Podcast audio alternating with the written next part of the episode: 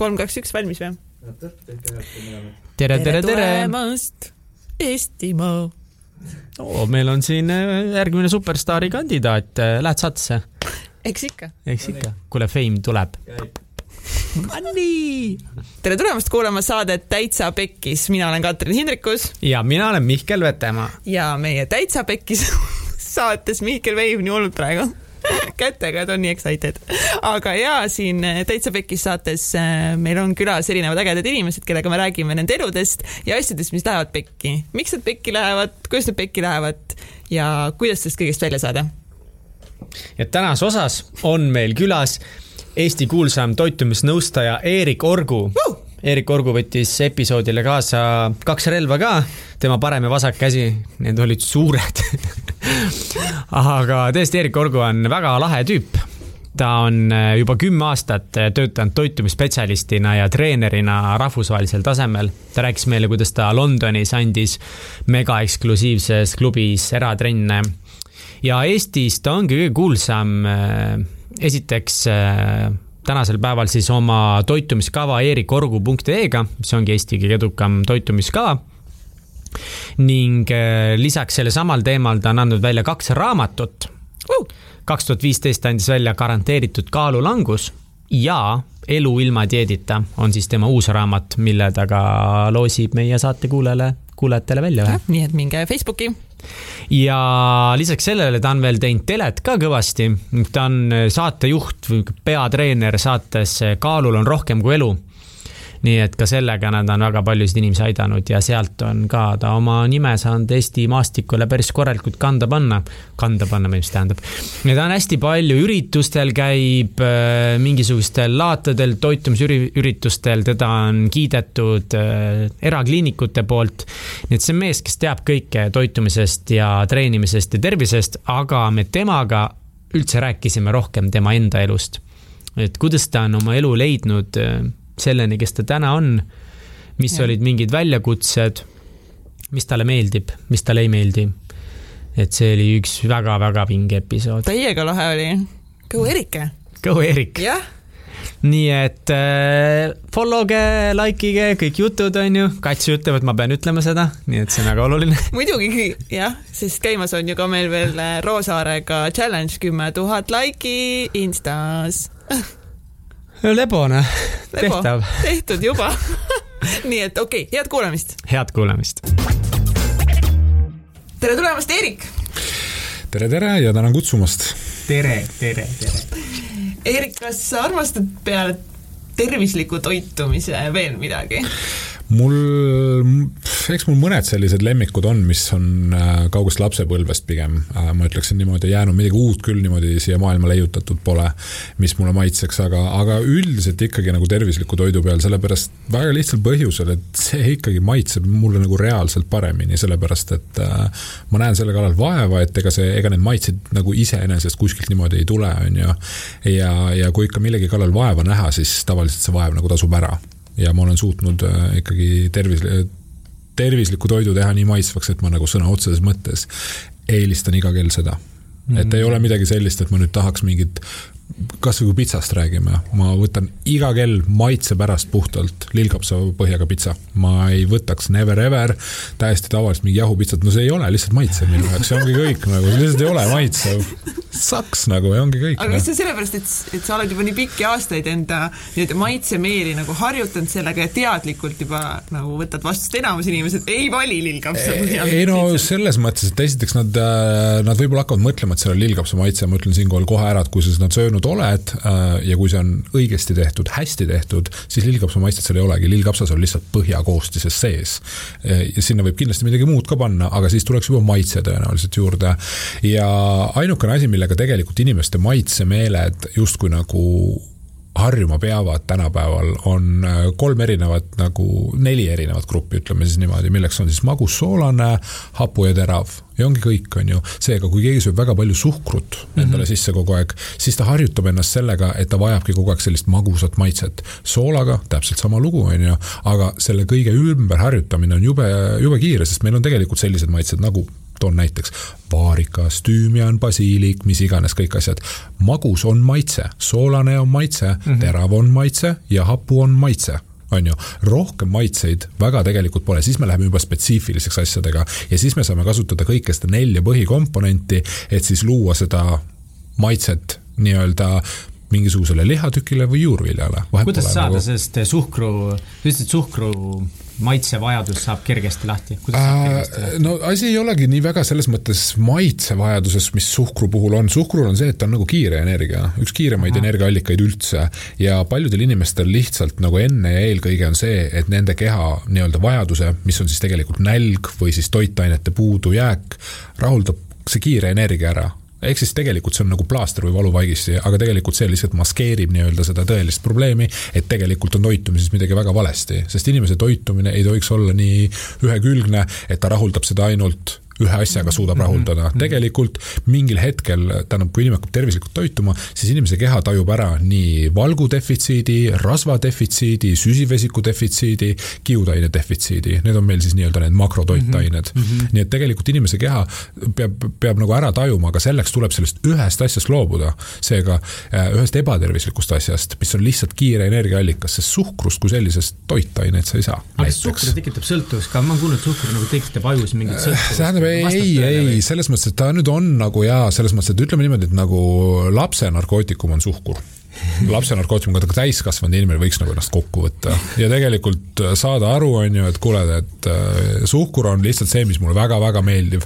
ma ei ole sellest sõltuvuses, lihtsalt vaatad peeglisse, ütled jah, okei okay,, ma lihtsalt söön seda, ma olen laisk, ma olen sellega harjunud, mida iganes, on ju. ja, aga sellist sõltuvust nagu näiteks sõna otseses mõttes mingisugune psühhotroopne aine näiteks on ju äh,, isegi alkohol tegelikult inimese keha, me, see on nagu, see nagu ei mõju meile hästi, meie keha tegelikult äh, pigem nagu alati hülgab seda, me lihtsalt sunnime oma kehale selle asja peale, nii kaua, kuni füüsiliselt on alkoholilaksu all näiteks või mingi muu laksu all hea olla. selles seisundis sa tunned ennast kõige normaalsemalt, aga kui sa sellest loobud, tekivad võõrutusnähud, seda kardetakse mm. -hmm. ja kui see tegelikult üle elada ja leida oma ellu nii-öelda asendused mm, -hmm. ma mõtlen selles mõttes, et nagu hakata saama nii-öelda seda, seda mõnulaksu mingisugusest tegevusest, minu pärast olgu see kasvõi langevarjuhüpe, siis meie organismis on tegelikult kõik need, näiteks praegusel hetkel on ju, näiteks mõni inimene äh,, ma näitasin siin sinu peale, on ju, aga võtamegi mm -hmm. näiteks sinu, on ju mm. -hmm ja, ja võtame näiteks mingisuguse, võtame näiteks mingisuguse aine või mingi ravimi, on ju, näiteks inimene võtab sisse äh, mingit rahustit, näiteks ütleme, et tal on majanduslikud probleemid või suhteprobleemid või mis iganes probleemid tal on, aga majandusprobleemid on näiteks, keegi tuleb, ütleb, kuule, ma annan sulle kümme miljonit, sa ei vaja mitte mingit tabletti siis enam, sest kõik su mured on kadunud.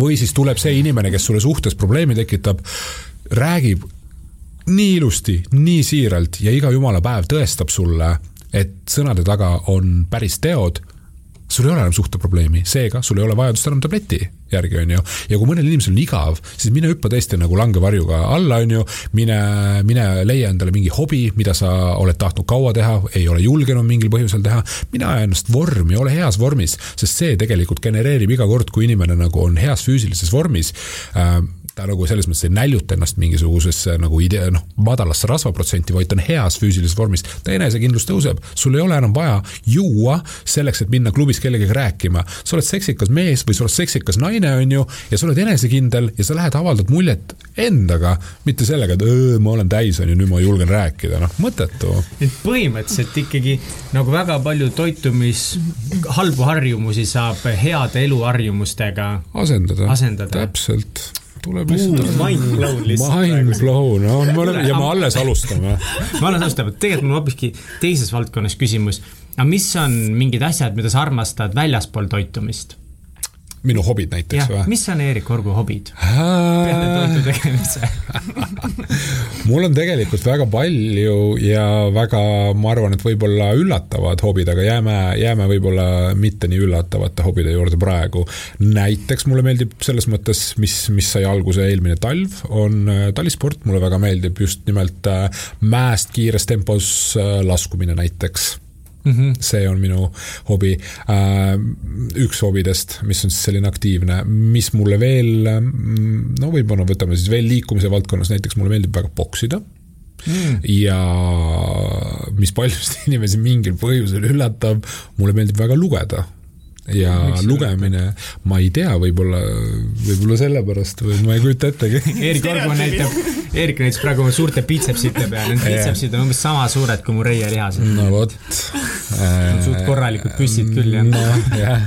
aga Et- mind, mind, mina võin öelda, mind ei üllata üldse see, sest kui ma vaatan, mida sa kõike korda saatnud oled, siis mul on tunne, et sa pead olema inimene, kes loeb aeg-ajalt midagi jaa. või tihti. noh, ütleme nii, et aeg-ajalt ja tihti ja, ja, ja eriti mulle, ma tegelikult, miks mulle nagu väga, miks ma nagu proovin nagu palju niimoodi reisida, ringi liikuda, just nimelt igasugused laevad, lennukid ja bussid, sellepärast et sel ajal on minu jaoks lugemine lihtsalt, mul tuleb see nagu nii hästi sel hetkel välja, selles mõttes, et mingit nagu kõrvalmõju, eriti lennukis, selles mõttes on ju kõrvaklapid pähe, lugemis playlist peale Spotify'st on ju ja läheb lihtsalt leheküljed nagu hakkan lappama nagu, et, et läheb ühtegi nagu distraction'it ei ole. ei ole jah. mis su äh, Spotify lugemise playlist on? aga lihtsalt, lihtsalt, aa ei, aa, võib-olla mis veel inimesi, noh, see ei ole mu hobi, on ju, aga mis inimesi üllatab, ma kuulan väga palju klassikalist muusikat mm. -hmm. nagu reaalselt äh, sadu, sadu aastaid vanasid äh, nii-öelda laule, Mozart, Bach äh,, Beethoven ja nii edasi mis nagu ajal selles sa kuulad klassikalist muusikat? Ma kuulan seda võimalikult tihti, sest sel hetkel saab äh, mõelda. kui keegi räpib või laulab mulle, kui edukas ta on, kui palju tal raha on, mis naised tal on ja, ja tead, kiki-miki on ju, siis mis, ma ei saa mõelda sel ajal on ju, kui keegi midagi räpib mulle kõrva, sest sel hetkel, kui inimene kuulab kedagi äh, rääkimas, sel hetkel ta ei ole võimeline midagi uut õppima ja oma mõtteid isegi ei ole võimalik mõelda, sa lähed sellesse teemasse sisse, seega kui mõni räppar räägibki mul, laulabki mulle mingitest, tead mul mingi my, my girls, my bitches, you know, mingi mida iganes, on ju, siis see kuidagi mõte hakkabki võib-olla nagu pigem nagu selles suunas liikuma, on ju, et äh, igal laul kannab mingit sõnumit, on ju ja, ja, ja see sõnum, noh, nagu küsiti ühe, ühe väga-väga-väga tuntud inimese käest, mitte, mitte Eestis, et mis on nagu maailma nagu number kaks narkootikum, ta ütles muusika. ja tegelikult see peab paika, sest muusika tegelikult äh, on sõltuvust tekitav. aga nüüd jällegi oleneb, ma ütleks igasugune räpp-kräpp on ju mm, -hmm. on selline nagu jama, rämps on ju, aga klassikaline muusika või siis lihtsalt mõni meloodia, see ei pea nüüd klassikaline olema. et kasvõi Youtube'ist panna peale mingisugune uh, working playlist, reading playlist, mida iganes, on ju. et uh, tänu sellele saab tegelikult palju-palju, see aitab palju rohkem, see aitab väga hästi kaasa nagu töö tegemisele näiteks. aitab, ma olen nõus. Mulle Jah. meeldib ka kuulata mingit siukest, noh, minu arust ongi võimatu teha midagi, kui keegi seletab sulle midagi kõrva mingit asja. Nojah. aga minu meelest nagu Kiki-Mikil on täiesti oma koht aa ei, selles mõttes, et see klubis, laval. jaa, ei, Kiki-Miki on jumala okei. Okay,, Kiki-Miki on jumala okei okay,, et äh, mul ei ole selle vastu mitte midagi, aga igal asjal on oma aeg ja oma koht, noh suvel äh,, suvel ma ei tea, kruiisin sinna Väänajões või mis rand seal on, on ju, et äh, oli vist, et äh, sinna kuhugi lähed, siis muidugi lükkadki mingisuguse räpi peale ja natuke aken alla ja läheb nagu, on ju, selline suvine feeling. me olime Taxify'ga Lõuna-Aafrika Vabariigis talvepäevadel ja siis seal oli mingi pidu ühe siis konverentsipäeva õhtul ja meil olid seal kohalikud töötajad, aafriklased kõik, meil olid need üle maailma Taxify töötajad ja siis äh, DJ pani meile Kiki-Mikit ja siis kõik eestlased karjusid Kiki-Mikit lauldes, see oli eelmine aasta, see oli hull popp ka mm. jaa, jah. ja siis kohalikud vaatasid meid küll nagu täis napakaid ja see oli täiega lahe. ei no jah, ma, jah aga mis mm,, mis raamatuid sulle meeldib lugeda? mulle meeldib lugeda raamatu nimesid ma ei ütle, ahah, sorry, sellepärast et äh, vaata edul on kaks, kaks, kaks reeglit. esimene reegel, ära mitte kunagi räägi kõike, mida sa tead. nüüd tugeva loogilise mõtlemisega inimene saab juba aru, mis on teine reegel ehk siis see jääbki saladuseks, sest esimene reegel on see, et ei räägi kõike ja kui kaks reeglit on, siis ma pool ütlen ära ja pool ei ütle ja ongi kõik, on ju. et äh, raamatuid, mida ma loen, jah, seda infot ma ei jaga.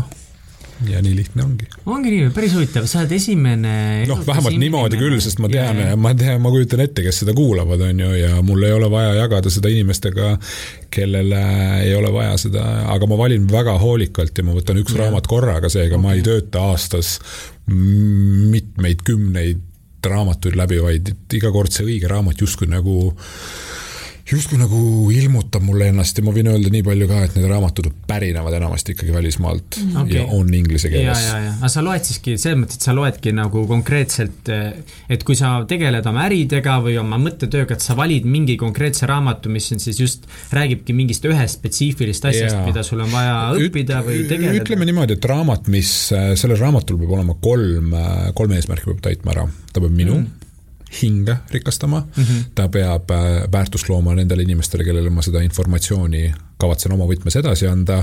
Ja kolmanda asjana, mis ei ole nüüd nagu tegelikult justkui nagu noh, ütleme nii, et ta peab ikkagi jah, ta on investeering, sest vaata raamat, see ei tähenda seda, et see nüüd mingi mega kallis raamat on, on ju, aga ikkagi ma investeerin sellesse oma raha, ma investeerin sellesse oma, oma aega, oma emotsiooni, on ju, ja ja iga investeering, investeering on ikkagi majanduslik mõiste enamasti, on ju, seega investeering peab nagu tagasi tootma, seega ta peab mulle ikkagi tööalaselt kuidagi nii-öelda kasulik olema. ma võin teile neid tarkusi siin jagada, on ju, täpselt samamoodi. Äh, ja, ja no raamat ongi nagu selles mõttes, et ütleme nii, et kui inim, mõni inimene on selline, kes on sõltuvuses mingisugusest konkreetsest tegevusest, olgu see siis no ma ei tea, midagi, ütleme niimoodi, tervist kahjustamast tervist kahjustavast mm -hmm. tegevusest, siis ma soovitaksin sellele inimesele raamatut mm. -hmm. sellepärast, et raamatu lugemine äh, kestab tunde, täpselt samamoodi nagu mingi tervist kahjustava tegevuse tegemine, olgu selleks siis nagu alkohol või mida iganes, on ju.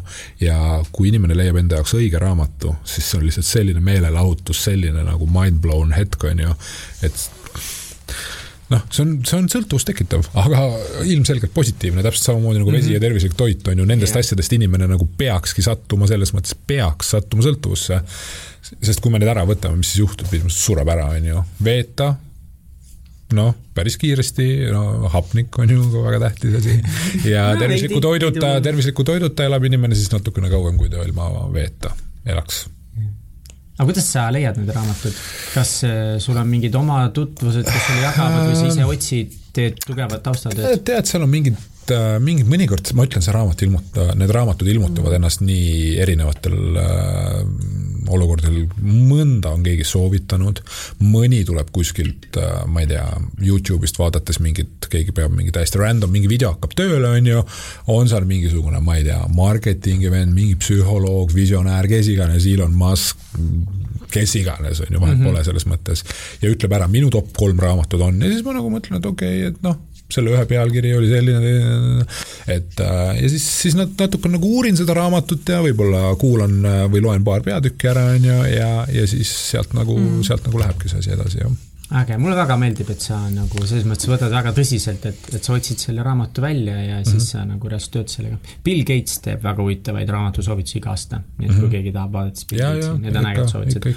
kuule, aga ma tahan hoopis teisel teemal nüüd rääkida no.. see on juba kolmas teema ah,. see on mingi viies teema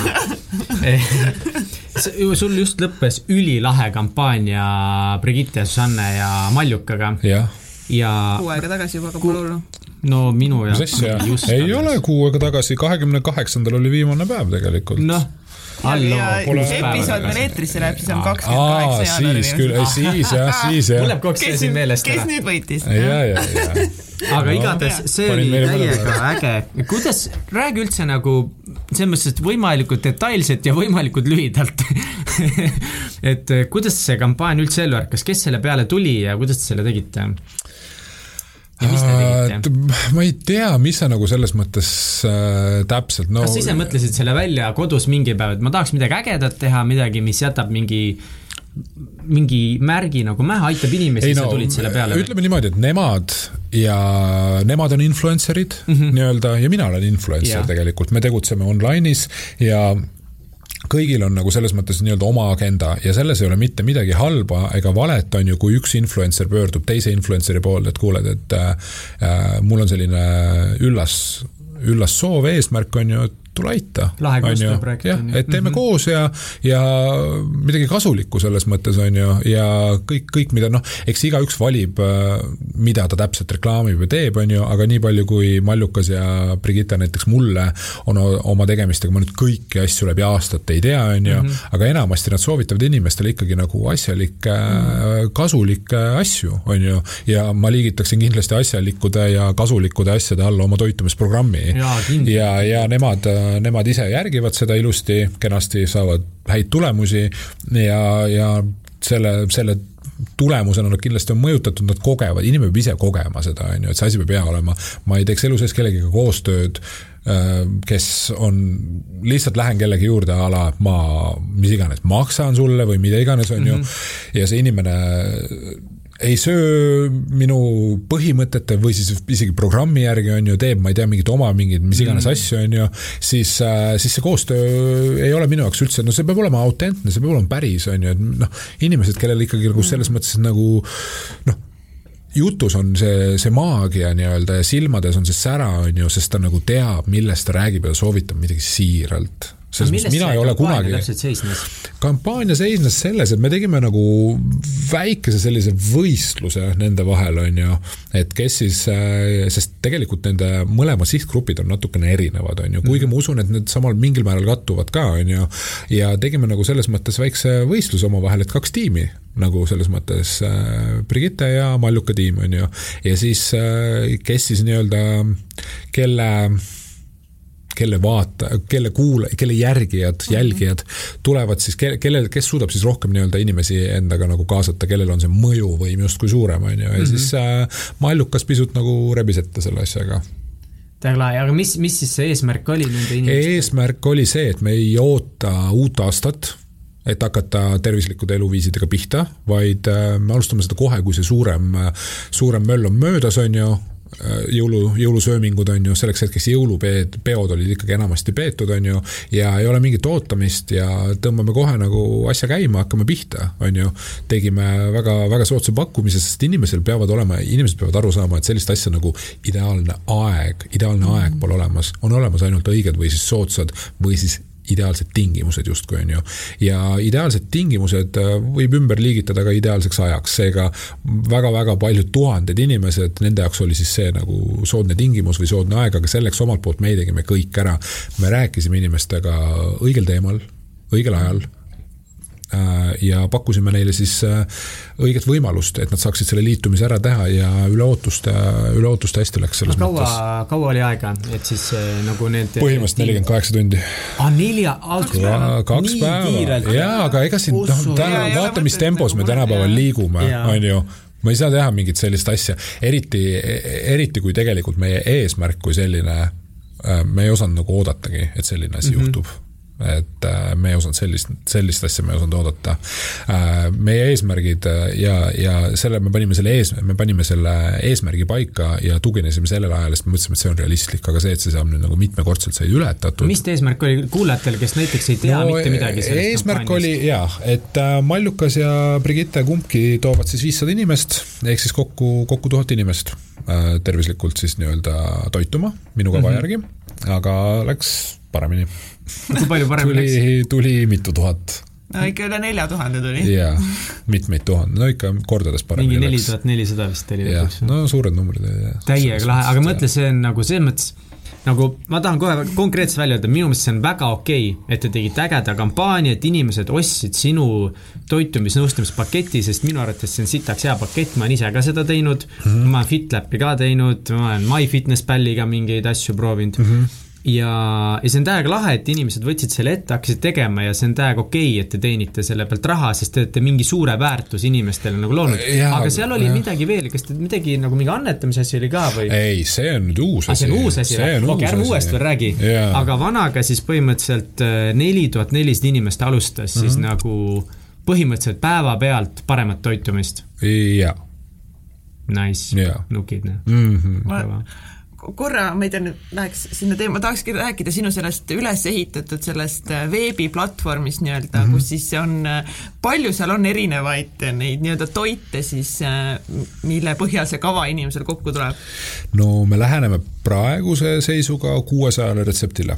kuuesajale retseptile, kui kaua, millal sa alustasid selle platvormi loomisega, kaua see on nagu aega võtnud, et, et see nüüd praegu selle ma arvan, et nüüd hakkas sellest kuust siis jooksma, kui ma nüüd kõik õigesti läheb, ma ei, ma sellel ärilisel mm. poolel ütleme niimoodi, et nagu ma ei ole nagu tegelenud, noh, ma, ma tegelen ja ma teen seda, aga ma tegelikult ikkagi olen nagu selles mõttes toidu, tervise inimene, et see on nagu mu nagu põhiasi, aga jah, ühesõnaga kuues aasta hakkas tiksuma nüüd mm. -hmm. viis aastat on nii-öelda selja taga, jah mm. -hmm aga lähmegi võib-olla siis üldse sinu alguse juurde, et sa oled nagu mees, minu meelest nagu reaalselt me oleme Katsiga seda arutanud ka, et, et sa oled mees, kes on igal pool, sinu nägu näeb igal pool lihtsalt, aga sinust ei, ei tea mitte midagi. ma proovisin sinu kohta nagu lugeda ja sind tundma õppida ja, ja ma ei sama. leidnud mitte midagi. Mhm. kust sa pärit oled üldse, kas sa oled siit planeedilt no.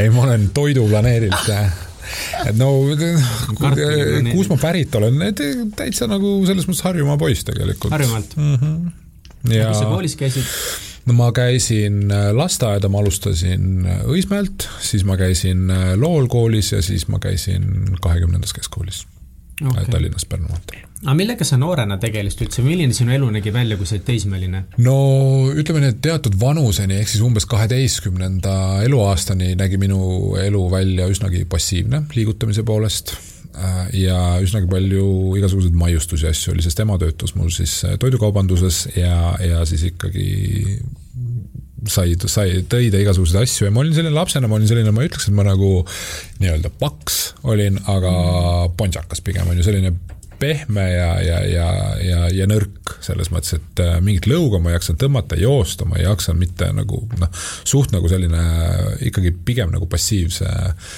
eluviisiga, aga see oli tegelikult tingitud sellest, tegelikult oma mõtetes olin ma väga aktiivne, sest ma olin väga jutukas ja, ja ma võib-olla väljendasingi, ma pigem olingi, võib-olla sain selle aktiivsuse vajaduse nagu kaetud sellega, et ma kuidagi nagu peas elasin seda kõike läbi, sest ma alati tegelikult vaatasin ja mõtlesin selle spordi peale ja visualiseerisin väga-väga palju ja ma arvan, et ma saingi sealt oma vajaduse selles mõttes kätte ja ma olin väga tagasihoidlik ja ei olnud väga nagu noh, ütleme nii, et ma olin jutukas ja selline outgoing, inimestega, kes, kes mind tundsid ja kellega ma nagu hästi läbi sain mm. -hmm. aga muidu niimoodi, et kui olid nagu mingid võõrad inimesed, siis, siis ma ikkagi olin väga nagu tagasihoidlik, aga sellest hetkest, kui ma tundsin, et okei okay,, ma võin nüüd see olla, kes ma tegelikult olen, siis ma nagu olingi.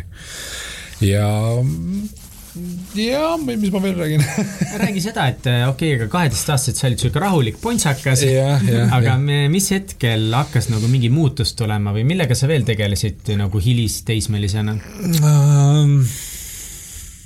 ma tulin linna, siis hakkasid muutused toimuma, ehk siis kaheteistkümnenda eluaastani ma elasingi tegelikult Lool, noh enne seda olin siis Õismäe, ühesõnaga Õismäelt läksin Loole, mõlemas kohas olingi enam-vähem selline viis-kuus aastat ja siis, äh, siis tuli linna ära ja siis, siis ma olin rohkem nii-öelda siis äh, paljastatud kõigele sellele välismaailmale rohkem, on ju, siis, siis nagu hakkasin rohkem telekat vaatama, on ju, igasuguseid välismaa filme, seriaale, on ju, hakkasin väga palju sealt võtma nagu, hakkasin, ühesõnaga mu mõistus hakkas justkui nagu avanema, minu isiksus mm -hmm. hakkas justkui kujunema, on ju. Mhm. ja ma olin alati väga selline edasipüüdlik ja ma sain juba tegelikult väga varajases eas, ma võiks öelda, keegi on küsinud, et kuidas sinu see äh,, kuidas see toiduasi kõik alguse on saanud, ma ütleks, et ma olen ikkagi sündinud selleks. ja mida vanemaks ma sain ilmselgelt, kuna ma oma esimesed pannkoogid tegin tegelikult juba mingisugune kuue või seitsmeaastaselt, on ju, et äh, ise tegin puhtalt sel, sellepärast, et ikkagi see, mis mulle nii-öelda ette pandi, see ei sobinud lihtsalt see ei olnud see ei olnud, see ei vasta minu standardile.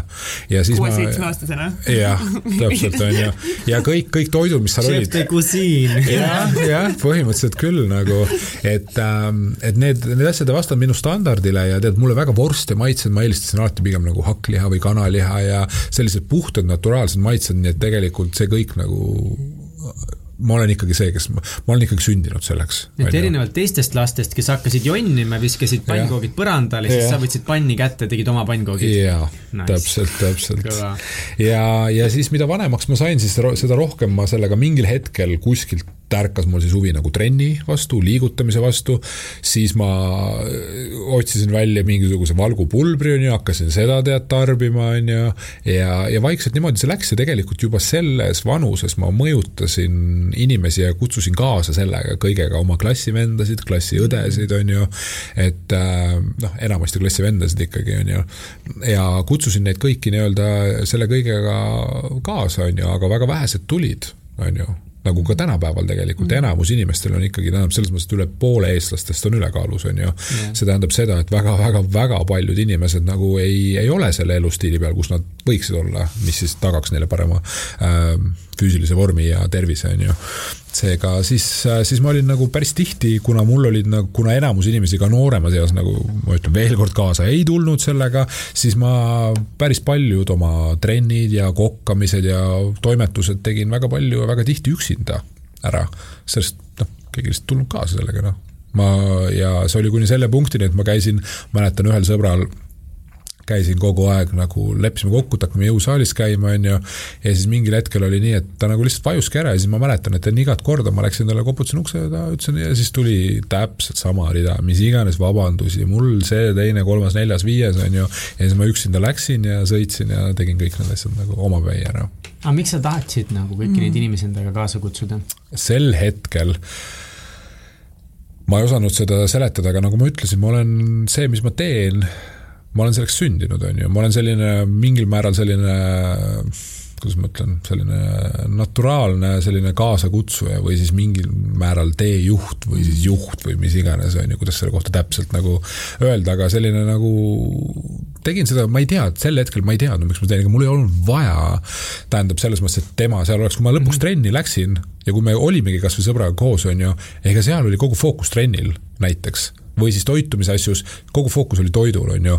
lihtsalt ma arvan, et mida ma tegin, oli see, mida ma praegu teen, siis ma tegin seda nagu alateadlikult või siis pigem teadmatult mis ongi noh mm -hmm., selles mõttes, et sel hetkel ma ei saanud aru sellest, on ju mm. -hmm. ja jah kus, kust sa kogusid informatsiooni, et nagu mida sa siis peaksid sööma ja millist trenni tegema ja? ei noh, siis oli kogu see maailm ikkagi mm. tegelikult veel nii nagu avastamas seda kõike, et siis oli ikka päris palju mingit jama igal pool liikus, on ju, selles mõttes, et mingi kolm grammi valku kehakilo kohta ja mingid täiesti mingi müstika ja mingi rasvavabad tooted ja mida iganes, keegi kaloritest üldiselt nagu räägiti siis mingi ma ei tea, ütleme niimoodi, et kümnest või kahekümnest isegi toiduinimesest võib-olla mingi üks või kaks inimest nagu rääkisid kaloritest, ehk siis ja nagu teadsid, kuidas tegelikult asjad käivad, on ju. kui ma nüüd tagasi vaatan, kes nagu enam-vähem mõistlikku juttu rääkis, aga kõik meie nii-öelda Eestis tol ajal, kui mina noor olin, juhtfiguurid, kes olid, on ju, kuulsad kulturistid ja sportlased, mis iganes, need küll nagu matsu ei jaganud nagu selles mõttes Mm -hmm. no kui ma nüüd tagasi vaatan mm -hmm. sellele, on ju. aga tol hetkel siis sa kuulasidki neid, sealtseid oma õpetusi või sa lugesid mingeid raamatuid või? ma lugesin spordiajakirju, mitte raamatuid, spordiajakirju lugesin, vaatasin äh, väga palju televiisorist vaatasin äh, mingisuguseid välismaiseid saateid, aga ega selles mõttes, et see, et ma siin ütlen, et eestlased nagu matsu ei jaganud, välismaal täpselt samamoodi, kõik need ajakirjad, mis olid, on ju, mitte keegi ei jaganud mitte mingi, noh, selles mõttes, et mingit täiesti hullu bändi lihtsalt, noh. no mis sa pärast gümnaasiumi tegid? Äh, läksin äh, Majaka kooli õppima, sest ma tahtsin kokaks saada. Majaka kooli mm? -hmm. seal on teeninduskool ja mm -hmm. läksin sinna ja tahtsin kokaks saada ja seda ma ka sain ja siis, äh, siis päris kiiresti läksin tööle.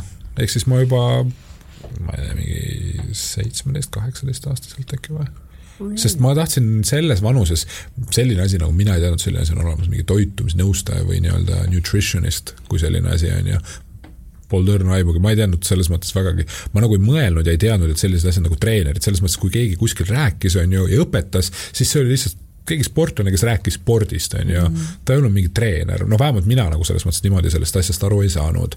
ja oleks ma seda kõike si-, noh, vot ei teadnud, noh, selles noor, noor ja loll, on ju, mitte halvas mõttes loll, aga mhm. lihtsalt no ei tea asju, noh, mhm. noor ja teadmatu, ütleme siis pigem niimoodi, ja ja mina lihtsalt teadsin siis nii palju, et äh, kui sa tahad toiduga tegeleda, siis ainuke viis on see, et hakka kokaks ja oligi kõik, on ju. nagu resto-, restorani kokaks nii-öelda? noh, restorani toidu, ega ma kohe restorani tööle ei läinud uh,? esimene töökoht, esimene töökoht, ma ei tea, äkki see võis olla mingi täiesti suvaline mingi pubi või midagi sellist nagu, ma ei mäleta. minu arust oli midagi sellist, aga ütleme niimoodi, sealt, kus asi nagu asjalikumaks minema hakkas minu jaoks, oli siis ja kus ma ise juba päris asjalik olin, oli siis äh, Nimeta baar. teate kindlasti seda kohta, on ju, see oli mu, ütleme niimoodi, et kõik, mis enne seda oli, ma väga niimoodi nagu detailselt ei mäletagi, sellepärast mhm. et äh, need kohad on ilmselgelt kinni, on ju, ja, ja ühesõnaga rohkem ei oska midagi öelda mm, -hmm. ehk siis mingid, mingid suvalised suvakohad olid mm. -hmm. aga see, mis on nagu esimene koht, kus ma nagu peakokaga suhtlesin, on ju, ja, ja ma sain väga palju vastutust sealt, sest, sest kogu see kokkamine ja, ja kogu see amet nagu ma ütlesin, see ei ole minu jaoks üldse raske, see tuleb mulle väga-väga-väga kergelt. kogu see hakkimine, ma ei ole kuskil mingeid asju nagu õppinud, keegi noh, selles mõttes, et nagu see, mis ma õppisin, no see on ikka täiesti mingi, võta tainas, pane liha ja pane kokku ja ongi kõik, noh, see ei ole midagi, on ju. et siis, kui ma isegi peale Eestis töötamist mõnes kohas, kus ma ära töötasin, siis äh, läksin Londonisse, seal oli ka niimoodi, et nagu põhimõtteliselt linnu, linnulennult nagu kõik tuli, esimene koht oli Eestis, mul oli viimane töökoht oli mul Mehhiko toidukoht, ütleme siis niimoodi Virus, Amarillo mm. ja sealt edasi, kui ma Londonisse läksin, siis seal oligi mu esimene koht töökoht äh, täpselt sama analoog nii-öelda Amarillole, mis oli siis Cafe Pacifico. kui vana sa olid siis? Londonisse ma läksin põhimõtteliselt oma kahekümne esimesel sünnipäeval mm., jah. kaua sa olid seal mm,? kahekümne üheksaselt vist, kui ma nüüd õigesti mäletan, tulin tagasi, sest kolmekümnes juubel oli mul Eestis, seda ma mäletan seega kahekümne üheksaselt, kui ma nüüd õigesti mäletan, tulin ma tagasi, võib-olla oli kakskümmend kaheksa lõpp, midagi sellist, on ju või oli kahekümne üheksandates juba. mis sa õppisid ja. kõige rohkem Londonist ja mis kõige raskem oli Londonis elades? Londonis, mida ma õppisin kõige rohkem inglise keelt ja oma valdkonda selles mõttes, sellepärast et siis oli juba päris palju nagu äh, mõistlikku informatsiooni liikvel ja seal see oli mu hobi, see oli mu kirg täielik, on ju, ja see oli mu töö ka, on ju, seega ma põhimõtteliselt enam-vähem kakskümmend neli seitse hingasin, nii-öelda elasin seda, seda toidu maailma. toidu tegemist, treenimist, inimese füsioloogiat, inimese psühholoogiat kõike seda, see oli nagu Londonis mu põhifookus, sellega ma tegelesin väga-väga palju. aga, aga jätkuvalt selles mõttes, et sel hetkel oli liikumas päris palju sellise, selles mõttes informatsiooni, mis oli ka vale ja eks ma nüüd tagasi vaadates saan aru jällegi, kuhu ma panin oma aega ja see kahjuks tootis nii-öelda negatiivset tulemust, on ju. aga õnneks seda oli suht vähe, et ma siis juba Londonis ma ikkagi jagasin juba matsu. et ma sain juba mingil hetkel aru, on ju, et, et, et kui see vend seda asja ütleb, ma peaks nii tegema, siis see asi lihtsalt ei tööta, sest mm -hmm. ma mhm. pean kuulama oma keha, ma vaatan oma kliente ja kui ma seda asja teen ja ma näen, et see ei tööta, no see ei saa mõistlik jutt olla ja ma lihtsalt loobusin sellest päris kiiresti. oota, aga kas sa siis Londonis töötasid mingitel muudel kohtadel ka peale kokana? jaa jaa, ma läksin sinna, siis ma töötasin kõigepealt, ma töötasingi, nagu ma ütlesin, sellises Lõuna-Ameerika restoranis, ehk siis Cafe, Pacifico, kus oli väga, kui keegi Londonisse läheb, tahab Mehhiko toitu süüa väga,, väga-väga head, siis Cafe Pacifico Covent Gardenis, te ei pettu ma luban äh,. sest ma olen söönud mitmes äh,, mitmes riigis, kaasa arvatud Londonis äh, erinevaid Mehhiko toitu ja mitte kuskil lihtsalt ei ole parem nagu no seal tehakse värskelt ja seal on toorained ja see kõik asjad nagu tehakse lihtsalt nii viimase vindini hästi keeratud, et nagu see on kõige parem. Ja siis peale seda ja ja siis peale seda ma läksin äh, tai-prantsuse kööki, oligi niimoodi, et sa said nagu näiteks äh, tai mingisuguse nuudlit said, näiteks noh, taipärased mingi nuudli, mingi pad tai näiteks on ju. ja siis sinna kõrvale sa said näiteks äh, pardirinna. Ja sealne peakokk oli siis liitnud kaks kööki omavahel kokku ja tulemus oli fantastiline, no sa võtad prantsuse köögist parima, tai köögist parima ja paned need omavahel sobima, siis ei saa nagu, ei saa nagu fail ida, on ju. ja siis, kui ma sain aru, et ma enam kokana töötada ei taha tähendab selles mõttes sel põhjusel mitte, et mulle see töö ei meeldi, vaid mulle ei meeldi see enam, mulle ei meeldinud enam see, mis sellest saanud oli. ja muidugi tol hetkel ma mõtlesin väga palju ikkagi nagu materiaalsete mm. aspektide peale ka. ja kui ma teada sain, et personaaltreener tegelikult potentsiaalselt äh, teenib äh, ühe tunniga sama, mis mina ühe vahetusega, kaksteist tundi, ja siis oli niimoodi küll, et oota, mis asja, et äh, mida, mida ma nüüd teen siin, oota, miks? aga ma sain aru sellest, et äh, ma saan jätkata kogu seda kokkamist endale ja teistele.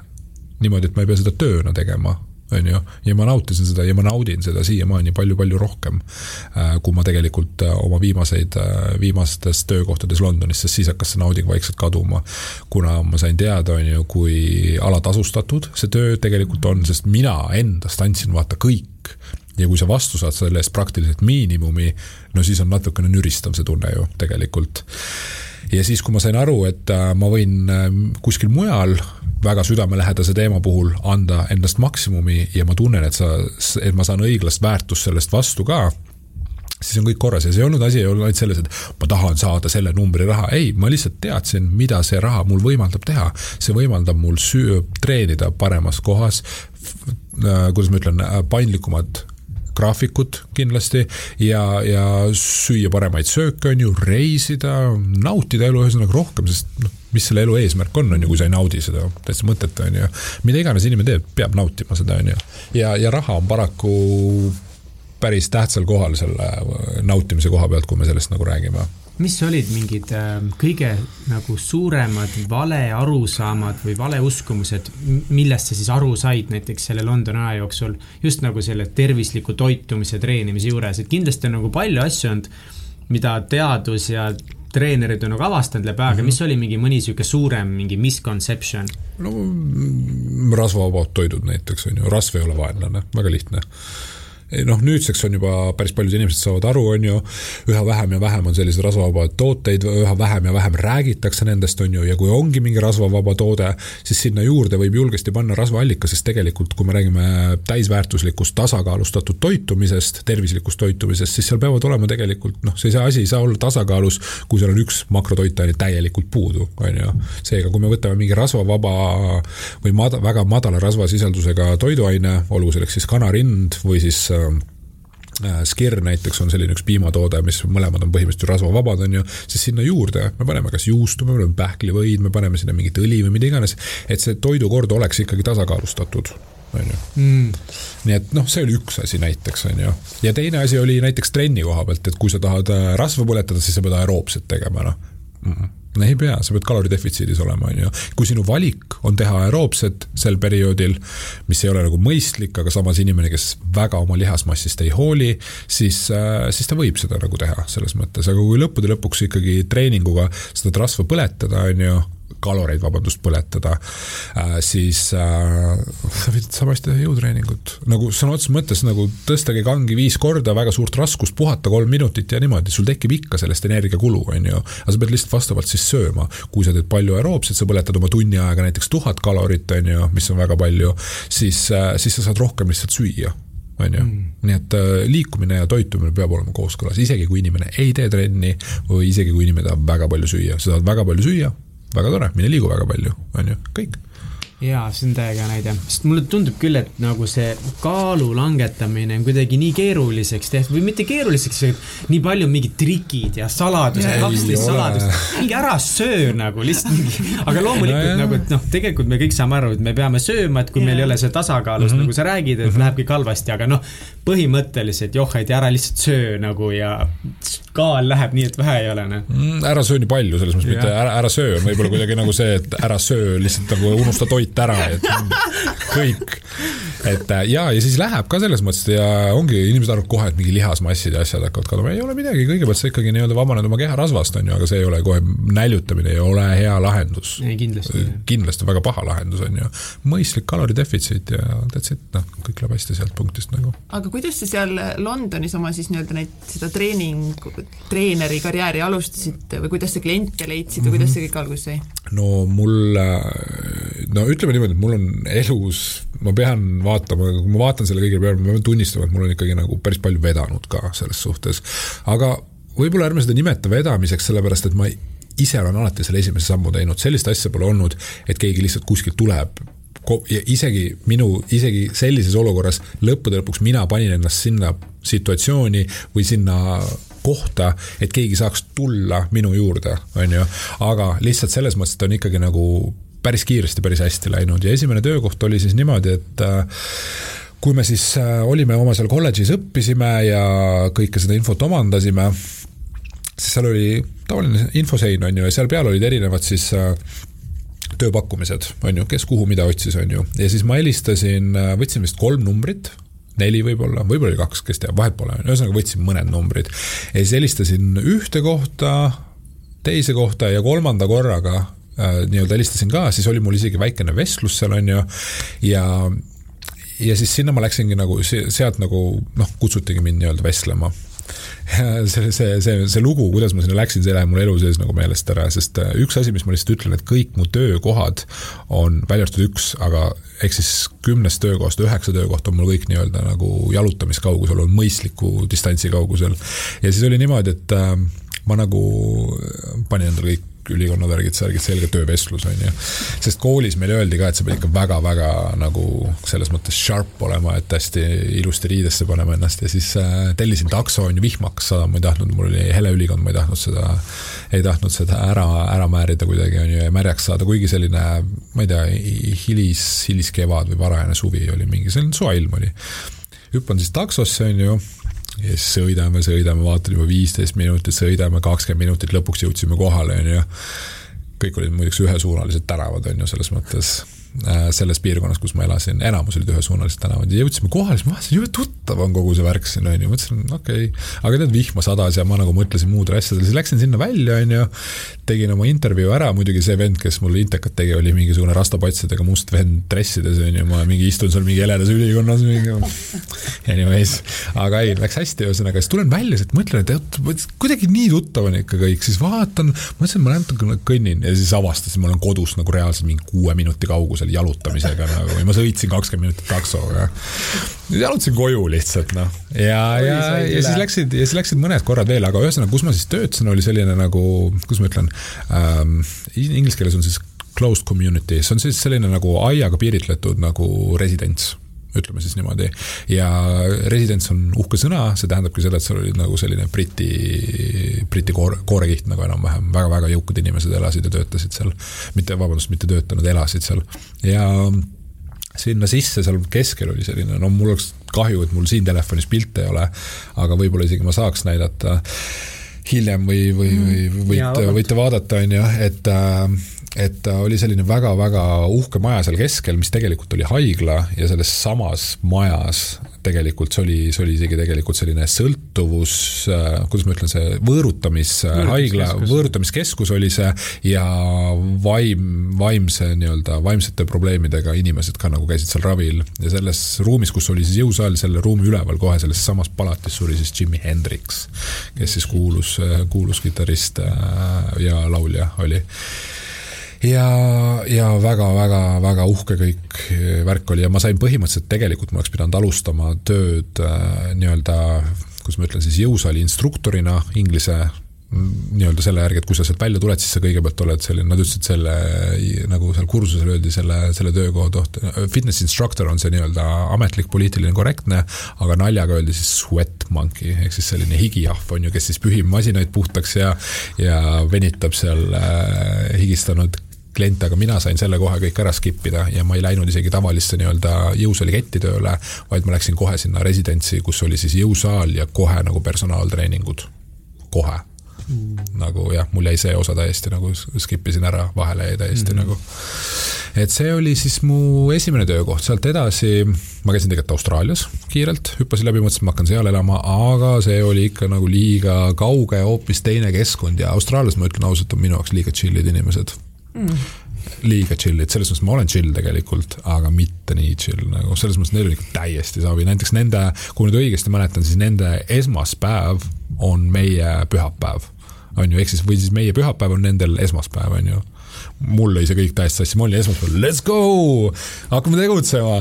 Need on kõik mingi, joovad õlu, mingi grillivad seal mingi ja kuna ma ei joo tegelikult äh, siis ka äh, praktiliselt ei joonudki, siis mul oli lihtsalt see teema, et äh, ja kõik muud asjad ka, mis seal nii-öelda chill'id olid, siis see ei olnud nagu minu teema. aga keskkond kui selline ja muidugi see oli ka natukene nagu selline, kogu aeg oli selline ohutunne ja mingi vahepeal pidid veest välja tulema, mingi haid ujusid seal, mingi what the hell, nagu et see, see oli nagu, osalt oli see natukene too much minu jaoks ja muidugi see päike selles mõttes, kuna ma mingi põlen, põlen mingi sekundiga ära, siis ma olin seal südasuvel, siis ma mõtlesin, et ma järgmine aasta küll sellist pulli ei taha, mingi nelikümmend viis on varjus enam-vähem, noh, ja kujuta ette, sa päikse kätte läksid, ma olin asfaldi peal, seisin musta asfaldi peal.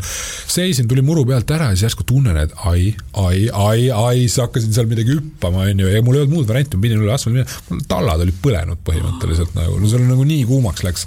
ja kogu selle asja pealt mu sisetunne ütles mulle ka veel, et kuule, mine ära siit muidugi mu sisetunne ütles, et lõppude lõpuks sööb sind mingi hai või mingi neelab sind mingi ämblik või, või uss, uss nõelab sind, onju, et mine ära parem. aga sa läksid ikka teadmisega nagu sinna, et tahtsid sinna elama? ma tahtsin sinna elama minna jaa, aga, aga lihtsalt see, et seal oli nii chill ja samas see keskkond oli kuidagi nii nagu hardcore mm. -hmm. Äh, siis need ka asjad lihtsalt ei sobinud mu jaoks nagu, lihtsalt need tekitasid minus selle tunde, et ma tegelikult, ma vist ikka ei saa siin hakkama nagu selles mõttes, et äh, selles mõttes ei saa hakkama, et äh, ma ei kohane ära. ma lihtsalt ei kohane ära, sest see ei ole mina, see ei ole minu keskkond lihtsalt mm. -hmm. ja ongi kõik hakkasid külma ja vihmast Londonit igatsema. jah, jah, jah. aga siis läksid tagasi Londonisse või? ja kusjuures ma ütlen kohe, et London number üks ei ole väga külm, number kaks ei ole seal väga palju vihma. mitte, mitte, ma ütleks, et Eesti kliima on hullem mm., kõvasti Londonis ikka päris kiiresti läheb päris soojaks ja püsib päris kaua soe ja, ja mina, seda vihma ei ole. see vihma asi on tegelikult, teate, kust üldse tulnud või? kus London sai selle vihma, vihma nii-öelda sildi endale külge, siis kui -hmm. seal oli väga palju kõik tehased ja tööstused olid äh, kesklinnas ja seal oli väga palju saastet, mis siis tehti, oli see, et tekitati tehisvihm, mis laeti siis, ma ei mäleta, mis selle asja nimi on, laeti mingite mingite eh, elektri, ma ei tea, mis iganes asjadega, mis siis sidus seda saastet ja sadas maha kõik. see udu, see vihm ja kõik see on sellest tingitud, siis see saigi, see oli tuhande üheksasaja seitsmekümnendatel aastatel umbes. noh, võta-jäta mõned aastad, on ju.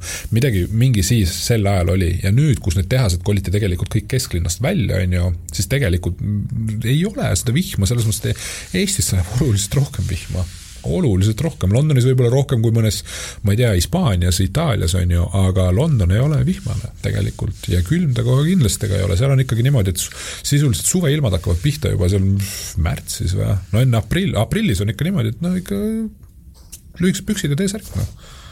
Oli midagi rasket ka Londonis elamise juures? Äh,? alguses oli küll jaa, alguses ma mäletan, et ähm, noh ma olin ju selles mõttes, et ma nüüd ütlen, ma olin eestlane, aga tegelikult väga paljud, äh, väga paljud Põhjamaa riigid nagu selles mõttes ei ole nii avatud nagu inglased, vaata.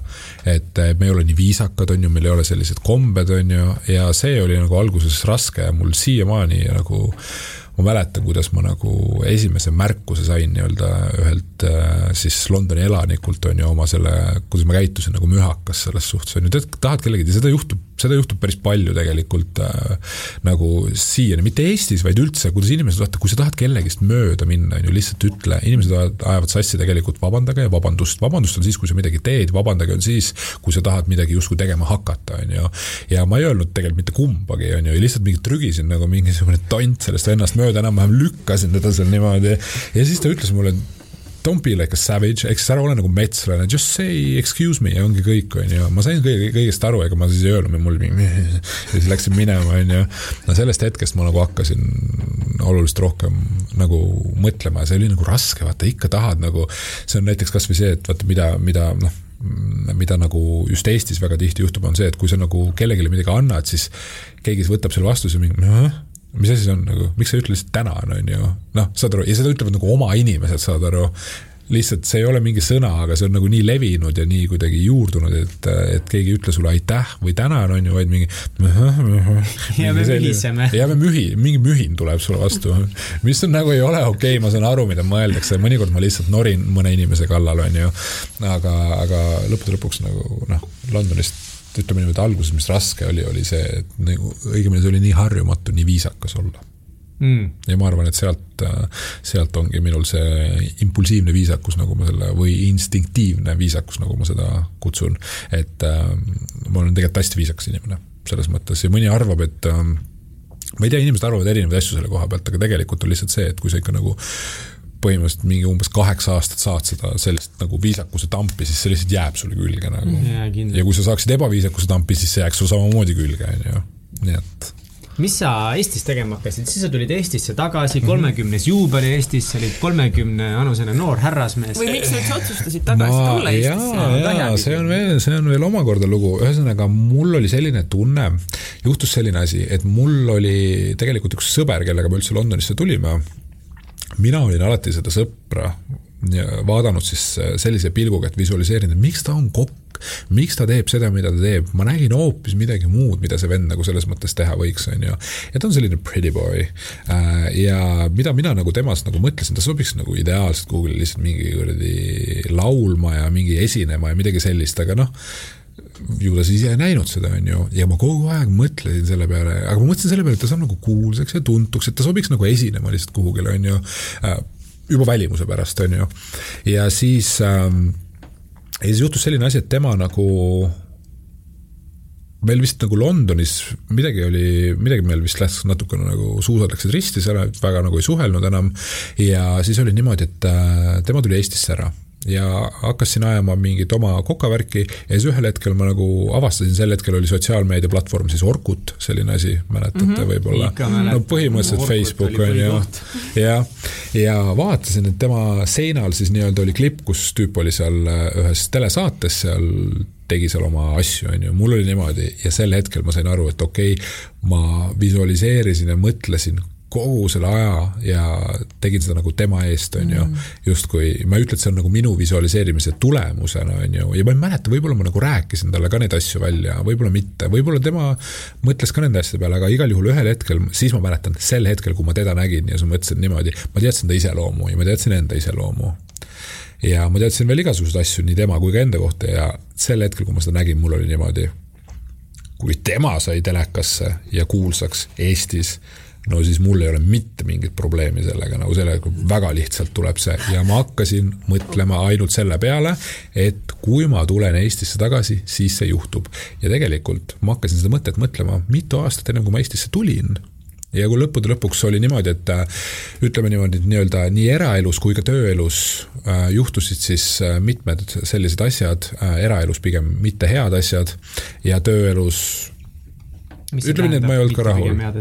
no mingi lahkuminek oli selline päris valus, on ju, ja selles, selles vanuses muidugi oli see põhimõtteliselt suht nagu eh, selline elu lõpetav eh, kogemus nii-öelda et nagu elu, elu lõpetav või maailma lõpu kogemus on ju, et lihtsalt mõtlesin, et kuidas ma nüüd üldse edasi saan elada selles mõttes, on ju, et nagu sel hetkel midagi muud nagu elus ei tundunudki nagu olevat, mis nagu oleks tähtis või looks väärtust, on ju, kui see nagu läbi sai. koos eestlannaga või? ja, ja, ja, ja eestlanna ja ühesõnaga, ja siis oli niimoodi, et aga tegelikult ennem kui seal kõik nii-öelda seal, seal eraelus ja tööelus siis nii-öelda nagu justkui nagu asjad ei olnud, ma ei olnud rahul, on ju, ütleme siis niimoodi pehmelt, siis ma juba tegelikult kogu see aeg mõtlesin, et ma tahaks nagu Londonist ära minna.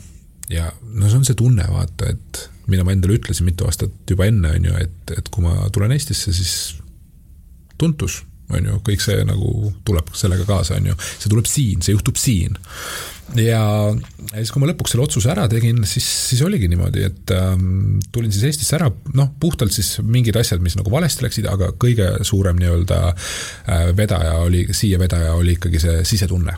aga mis seal kohapeal valesti läks? Äh, mis suhtes, sa mõtled tööga või yeah.? noh, tööga oli niimoodi, et ma tegelikult jäin alati igatsema taga seda oma esimest, seda, seda suletud residentsi, seda tööd, vaata, sest see oli nagu nii äge koht ja inimesed olid nagu kõik olid mingisugune üli targad, fun'id, kõik London, ma nägin selle aja jooksul, kui ma seal töötasin, ma nägin põhimõtteliselt Londoni kõige eksklusiivsemad kohad ära. ja ausalt öeldes, ega ma tegelikult ei tahtnudki nendesse kohtadesse tagasi minna, aga ma lihtsalt mõtlesin pigem selle peale, et mingid asjad peale nüüd selle valdkonna, mis oli selline pigem meele, meelelahutuslik ja restoranid ja klubid ja kõik see, et sellele järgnevad ju muud asjad, on ju et seal on ju võib-olla, võib-olla ma saan seal, ma ei tea, mis töövõimalusi ja kõik see, see, seda nad mulle ei andnud, seda andis mulle lihtsalt see töökoht, andis mulle sellist nagu fun'i andis mulle mm. -hmm. tegin oma töö ära ja siis oli niimoodi, et ma ei tea, see klient ütles, kuule, lähme sinna restorani ja see oli niimoodi, et mingisuguse hullu mingis mingi vend tuli järgi mingi hullu mingi sportautoga, mingi Aston Martin, Ferrari, mida iganes, on ju.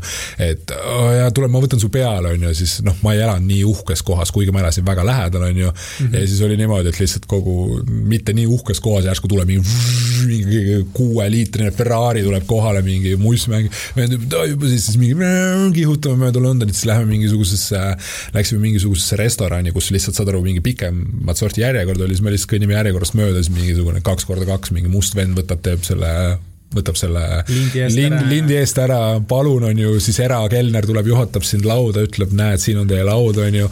lauda ei ole, tekitame laua, on ju, noh, selline elu käis mul mingi umbes kaks aastat seal. aga, aga see, no väga lahe, noh nagu. aga see lõppes siis ära? see lõppes selles mõttes, et seda ma jäin nagu alati igatsema, kõik need muud töö, töökohad ja kõik, mis mul nagu peale tulid, need ei olnud lihtsalt, saad aru, seal ei olnud mul sellist klientuuri ja see ja seal oli ka väga-väga lahedad inimesed, on ju, kõik olid oluliselt asjalikumad tegelikult, on ju, aga kogu see keskkond, seal oli ikkagi jõusaal oli niimoodi katuseakendega, mingisugune viiemeetrine, no see oli ikka, no ütleme nii, et no nii uhke, kui veel olla sai selles mõttes, noh, ses mõttes, et nagu need inimesed ei rahuldaks midagi vähemat, on ju et ma alati igatsesin ja kuna, kuna ükski koht ei olnud nagu nii hea, siis see ja kõik kohad olid nagu, kuigi ma teistes kohtades tegelikult justkui nagu teenisin rohkem ja graafik oli ka põhimõtteliselt suht sarnane, aga lihtsalt see ei olnud ikkagi päris sa ei olnud nagu hinges ikka rahul? see, see, ma ei olnud ikkagi päris rahul, on ju, oleks ma nagu saanud kuhugile teise kohta äh, või siis kasvõi samasse kohta tagasi, on ju, läinud, siis, siis ma tõenäoliselt vist oleks jäänud Londonisse kauemaks, on ju mm.. aga kuna üks koht teise järel nagu ikkagi ei pakkunud mulle seda, on ju, ja muidugi lisaks kõigele sellele ma veel tundsin, et mul on väga palju puudu, ma ei saanud aru täpselt, mis asi see puudu on, nüüd ma siis tean, mis mul puudu oli. sest äh, tegelikult pikka aega mind, kui ma Eestisse lõpuks kohale jõudsin, siis oli see, et et ma hakkasin järsku tundma seda tunnet, et mul, mu eesmärk oli saada kolmkümmend treenitavat endale või kolmkümmend tundi nädalas hakata tegema, see oli mu eesmärk. aga ma tundsin, et okei okay,, selleks mul on vaja kuskil kümme kuni viisteist inimest, aga ma tundsin, et see on vähe. ma teadsin, et ma suudan aidata rohkemaid inimesi, on ju. ja, ja oligi see tunne, et lõpuks läks see tunne üle sellest, et ma tahan aidata inimesi, mitte ma ei taha teenida või mida iganes teha, ma hakkasingi nagu ütlema, et ma tahan aidata inimesi. ju ma siis tegelikult muutusin lihtsalt teadlikumaks ja hakkasin rohkem ja rohkem nägema kui paljudel inimestel on tervisega probleemid puhtalt sellepärast, et nad ise põhjustavad neid vähese liikumise, vale toitumisega. sul tekkis nagu mingi sihuke suurem pilt ja suurem ja, visioon. täpselt jah, jah, jah. ja siis, kui ma Eestisse kohe jõud-, kohale jõudsin ja mis ma, mis ma seda joppamise asja rääkisin, mul olin siis, töötasin siis kas ma ei mäleta, kas mul oli mingi kaks või neli trenni nädalas. Äh, põhimõtteliselt kahte, kahte või kolme inimest treenisin. ja siis oli niimoodi, et ma kõndisin kogu aeg äh, ühest pangahoonest mööda, kui ma kõndisin oma äh, nii-öelda põhikohta, kus ma inimesi treenisin. ja siis ma järsku panin tähele, et läbi kaardinate nägin, et oo, et seal on jõusaal sees ja siis mul kohe tuli Londonist üks treener meelde, kes rääkis mulle, et tema töötas Londoni City's, kus on, mis on siis pankade selline piirkond, on ju, ja igasugused ärihooned, siis igal tegelikult ärihoonel on oma jõusaal ja tema siis nii-öelda oli ühe jõusaali haldaja, kus oli siis, ma ei mäleta, kas ta ütles mingi kolm või neli tuhat inimest, on ju, ja ta oli sinna loonud, loonud justkui oma sellise nagu ettevõtte, ehk siis kõiki neid panga inimesi põhimõtteliselt treenis tema ja kui ma seda jõusaali nägin, siis tuli kohe mul see vend meelde. Ja siis ma kõndisin sealt veel, mitu korda kõndisin mööda, on ju, sellest võib-olla mingi nädala jooksul mingi kolm-neli korda kõndisin mööda ja siis vaatasin, üks naisterahvas tuleb, on ju, ja läheb sinna jõusaali, läheb sisse. mul oli niimoodi, et see on mu võimalus. ja siis lipsasin tema selja tagant, lipsasin, lipsasin sinna sisse ka, et kaardiga ainult sai seda Aa, lahti teha okay., mingit kella, mitte midagi ei olnud, lihtsalt paned kaardi vastu, piip ja uks tuleb lahti, on ju.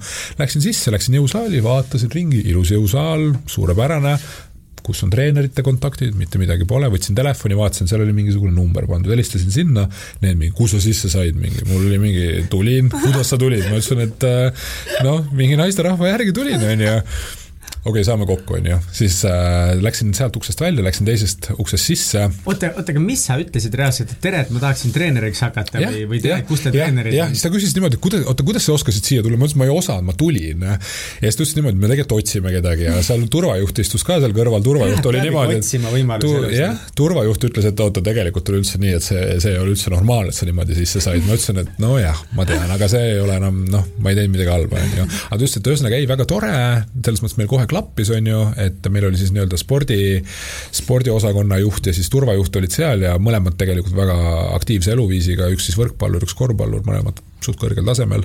ja jutt hakkas jooksma ja siis juhtus niimoodi, et põhimõtteliselt kiri läks välja äh, kõigis hoones äh, töötavat, ma kirjutasin kirja valmis, äh, enda tutvustava kirja ja siis juhtus niimoodi, et ma põhimõtteliselt läksin nelja trenni pealt mingisuguse kolmekümne, neljakümne trenni peale põhimõtteliselt üleöö sa kirjutasid siis, et, et oled nagu eratreener ja, ja olen eratreener, mingi tutvustus tuli, on ju, ja siis samaaegselt seesama kiri läks tegelikult ka ühte Eesti terviseportaali välja ja ma olin tegelikult varasemalt juba Eestis käinud ka ühe korra, ma üritasin Eestis nii-öelda elu endale looma hakata, aga ma mm. siis, siis oligi tegelikult, see oligi, see eelnes Austraaliale aga siis ma jõudsin ühe kiire intervjuu anda Eestis.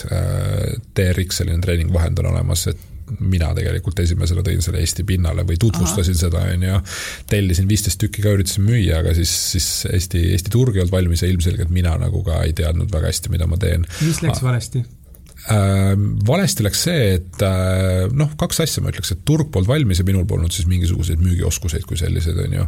ja tegelikult äh, see, sel hetkel oli maailmas nii uus asi, et ta maksis ka päris palju, on ju. no seal oli ühesõnaga palju asju. aga mega põnev lugu et proovisid mingit seadmed müüa, noh okay.. aga sa ostsid need ise ära oma raha eest või? jaa, ma ostsin need välja oma raha eest, viisteist tükki ja ei, lõpuks nad tegelikult said kõik müüdud, aga lihtsalt nagu ma ei viitsinud ausalt öeldes, ma tahtsin -hmm. Austraaliasse minna see oli nii, see oli nii võluv, võluv minu jaoks ja sel hetkel juhtus päris palju selliseid, ma ei viitsi asju tegelikult. et äh, või ma tahan midagi muud teha, aga Austraalia, kogu see seal käimine oli tegelikult vajalik sest ma teadsin, et ma lähen sinna ja ma ei saa teha niimoodi kahte asja, on ju. ja ma ei kujutagi ette, mis siin Eestis oleks pidanud juhtuma, et ma siia oleks jäänud, sest mul tegelikult, ma oleks pidanud pileti nii-öelda ära cancel dama. sest mul pilet oli ostetud enne, kui ma Eestisse tulin, aga Eestis ma jõudsin olla jah, mõned kuud. ja, ja siis oli niimoodi, et ma sain, ühesõnaga hakkasin seal trenne andma. Ja siis ma tahtsin siin, ma olin nii action'it täis, et ma tahtsin igasuguseid mõtteid ja asju, mida ma Londonis näinud olin. Äh,, siis ma tahtsin kõiki neid asju hakata nii-öelda Eestisse sisse tooma ja Eestis neid tegema veel hakata, on ju. ja siis äh, ühe, ühe projekti raames oligi niimoodi seltskond minu juures, tegime seal videoshoot'i ja pilti tegime ja siis äh, üks seltskonnast, äh, seltskonnas olev neiu rääkis, kuidas lihtsalt, ma ei tea, ühesõnaga kõik rääkisid mingeid asju ja siis tema rääkis, kuidas tema mm, sõber või sõbranna tehti nagu talle siis tüngakõne kuskilt nii-öelda meediakanalist, on ju, ja oligi niimoodi, et täiesti nagu see inimene nagu nii-öelda sai üle on ju, selles mm -hmm. suhtes, et tõmmati, tõmmati haneks, on ju mm -hmm. nii-öelda.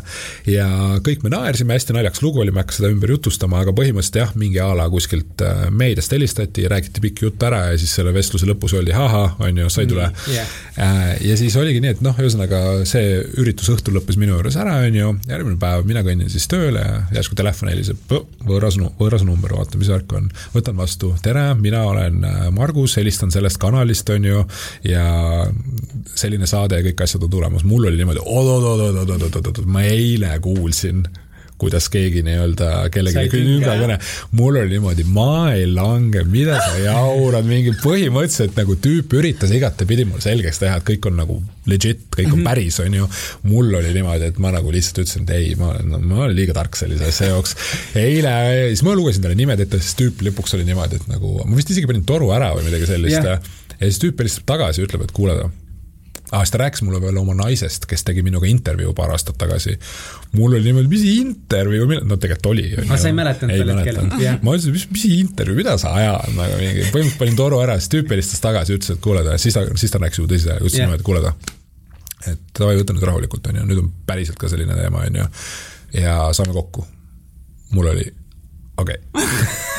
võib-olla ei olegi. ja siis, ja siis mingi paar päeva hiljem saimegi seal olümpiahotellis kokku, tüüp paneb mm -hmm. kaamera tööle, on ju, hakkab seal mingi filmima mind, see oli siis, äh, see oli siis Kaalul rohkem kui elu saate mm -hmm. projekti, noh, tehti casting ut on ju mitmete treeneritega Eestis.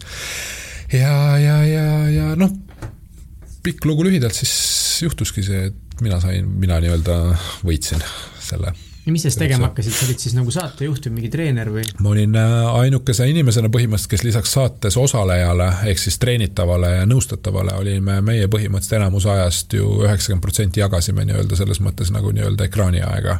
nii et ma olin siis saatejuht ja, ja samas ma nagu nõustasin äh, ja treenisin neid inimesi ka väga-väga aktiivselt ja käis äh, kodudes neil ja tegi kapi uksed lahti ja, ja, ja siis viskas toitu välja sealt niimoodi. mul üldse ei klikkinud ära. see oli täiega nagu ülifänn siin. ja, ja, ja, ja, ja, ja aga see oli jumala kuulus saade ju. no selles mõttes, et ütleme niimoodi, ainuke saade, ainuke saade, mis sellele eelnes, oli mingisugune a la suurim kaotaja või mis iganes, on ju yeah.. kus olid ka kaks Eesti mees- ja naistreener minu arust olid, aga mm -hmm. see oli nagu selline võistlus, vaata mm. -hmm. aga ma nagu kunagi, mind nagu sellised asjad, sa ei saa nagu terviseteemadel kedagi nagu võistlema panna, et see on okay. nagu vale lihtsalt -hmm. on ju. ma ütlen seda lihtsalt, see saade võis olla meelelahutuslik, aga ma ei ole suutnud lihtsalt mitte ühtegi osa nagu ära vaadata, ma tean, et seal oli mingi üks vend mingi blondeeritud juustega, kes äh, oli väga-väga suur ja kuidagi sai kuulsaks minu arust, kas ta nüüd on vist surnud isegi või midagi sellist, no ta oli ikka väga suur selles okay. mõttes, aga võib-olla ei ole ka, ma ei tea, surnud. aga mis siis sinu saate, mis sa tegid seal siis ja kuidas see läks kõik? Põhimõtteliselt oligi see, et ühesõnaga lihtsalt salvestati ja jäädvustati kogu see äh, protsess, kuidas siis, äh, kuidas siis, äh, kuidas siis inimene saab väga suurest ülekaalust lahti.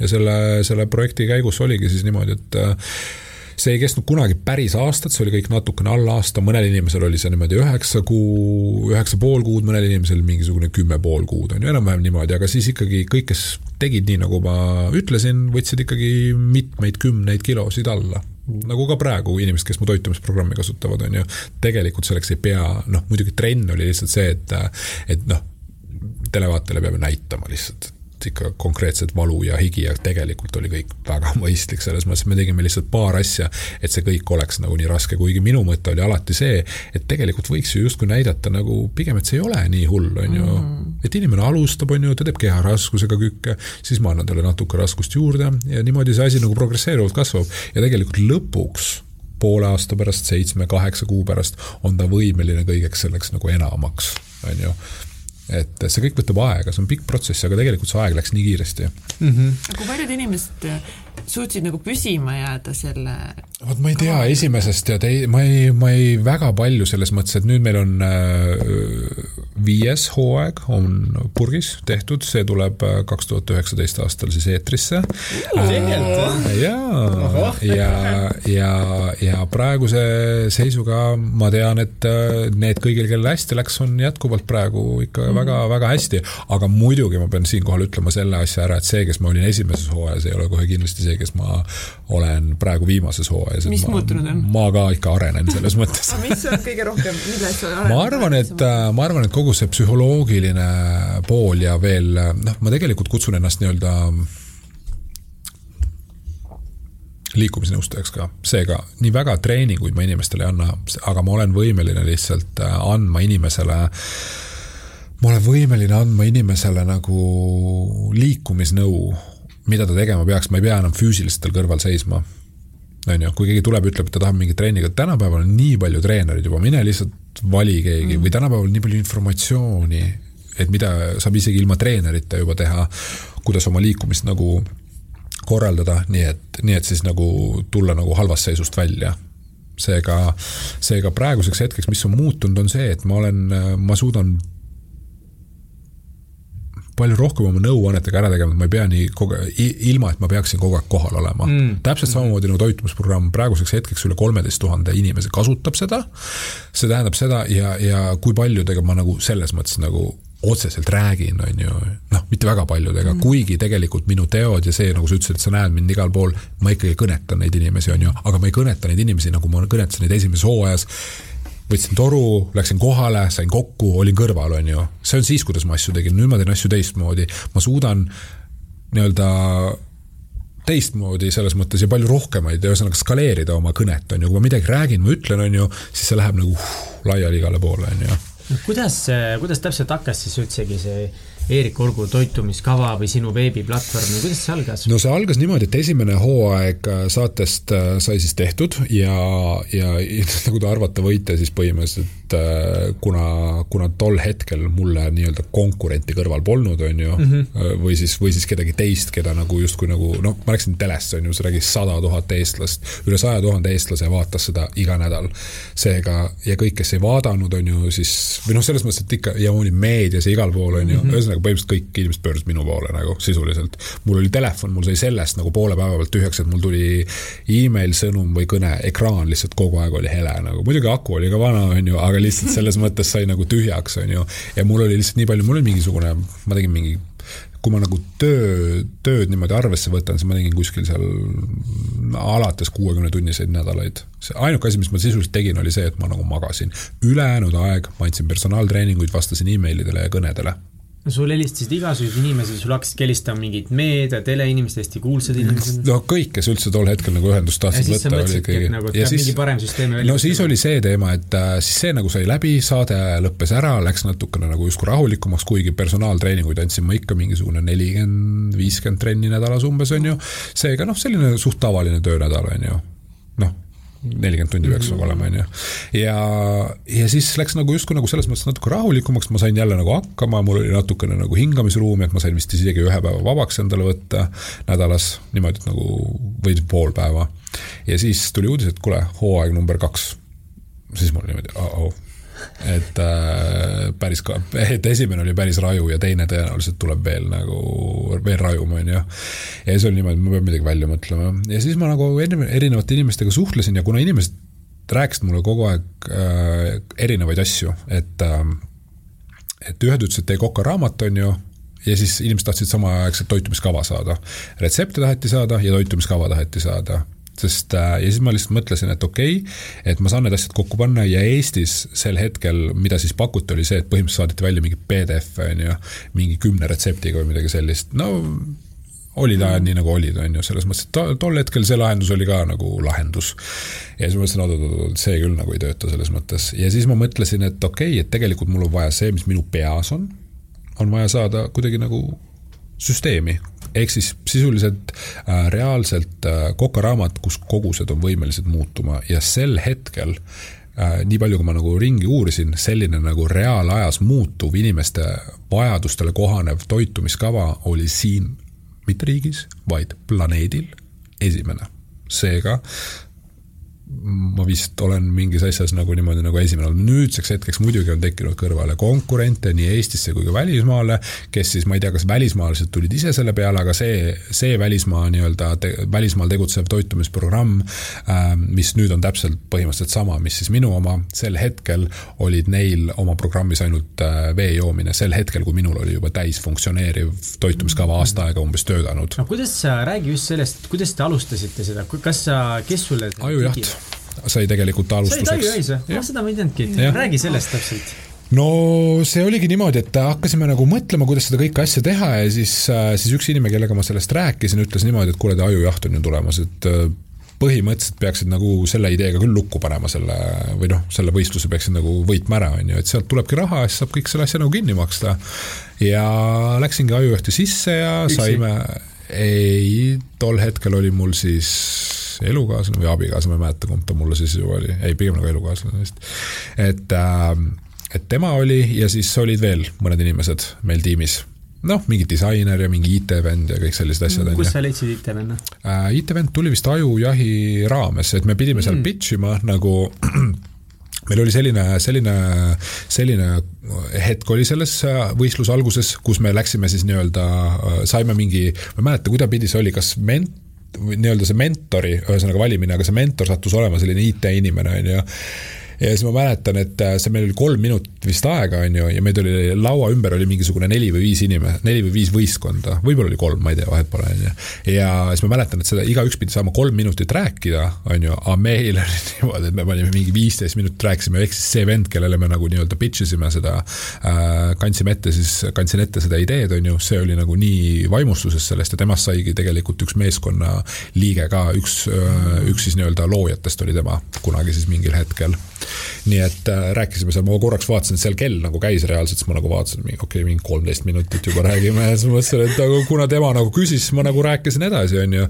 ehk siis tema oli suht nagu vaimustuses sellest ideest, on ju, tahtis kohe nagu selles mõttes punti hüpata ja hüppaski ja, ja siis, siis me nagu hakkasime tegema, tegime valmis, ega meil programmi kui sellist nagu ei olnud, aga noh, muidugi ajujahis ma ei saanud mitte mingit kohta ja kusjuures Taxify'ga kutsuti meid, Taxify ja nii-öelda mind kutsuti siis tagasi sinna, aga kuna Taxify oli just saanud sada tuhat eurot investeeringut, siis Taxify võitis mingisuguse, mingisuguse asja ta nagu võitis seal või, või rebis ette minust, ma ei mäleta midagi nagu selles mõttes muidu oli. Taxify, kui nad olid ajujas, nad said vist teiseks või kolmandaks.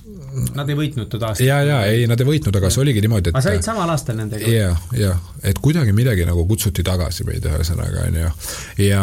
ma korra vahekommentaariks ütlen, vaata kui mm huvitav, et nagu tegelikult sa kunagi ei tea, kuidas ettevõtetel läheb, et, et see ettevõte, kes võitis tolle aasta ajujahi minu meelest tollest ei ole väga midagi saanud. midagi sellist, ja, ja, ja. Versus näiteks sinu ettevõte on ju, üks, ongi kõige kuulsam on ju Eestis selles valdkonnas mm -hmm. ja siis Taxify, eks ole mm, -hmm. väga põnev. no see on nagu Taukar, vaata mis, mis, mis kohale ta seal jäi seal superstaari saates, miks ma seda tean, on ainuke põhjus see, et keegi kuskil midagi ütles välja selles mõttes, et äh, väga tore saade, aga ma ei vaata üldse tegelikult. aga, aga pärast ajujahti, kui palju siis teil tootest valmis oli? Äh,. ajujahi lõpuks meil, ma arvan, et meil ei olnudki nagu toodet, kui selles mõttes, kui see asi nagu ära lõppes, sest see ajujaht iseenesest on väga-väga intensiivne programm, on ju, väga intensiivne mm -hmm. programm. ja sel ajal poleks elu sees jõudnud, aga kui see nagu läbi sai ja oli siis selge, mis seisud on ja kuidas me peaks nagu edasi liikuma, siis me nagu hakkasimegi, hakkasime ise oma rahadega siis nii-öelda tegema seda programmi ja lõpuks saime valmis ja noh, ja, ja siis oli niimoodi, et siis tuligi samaaegselt, kui meil oli programm põhimõtteliselt valmis, siis äh,, siis tuligi esimene saade.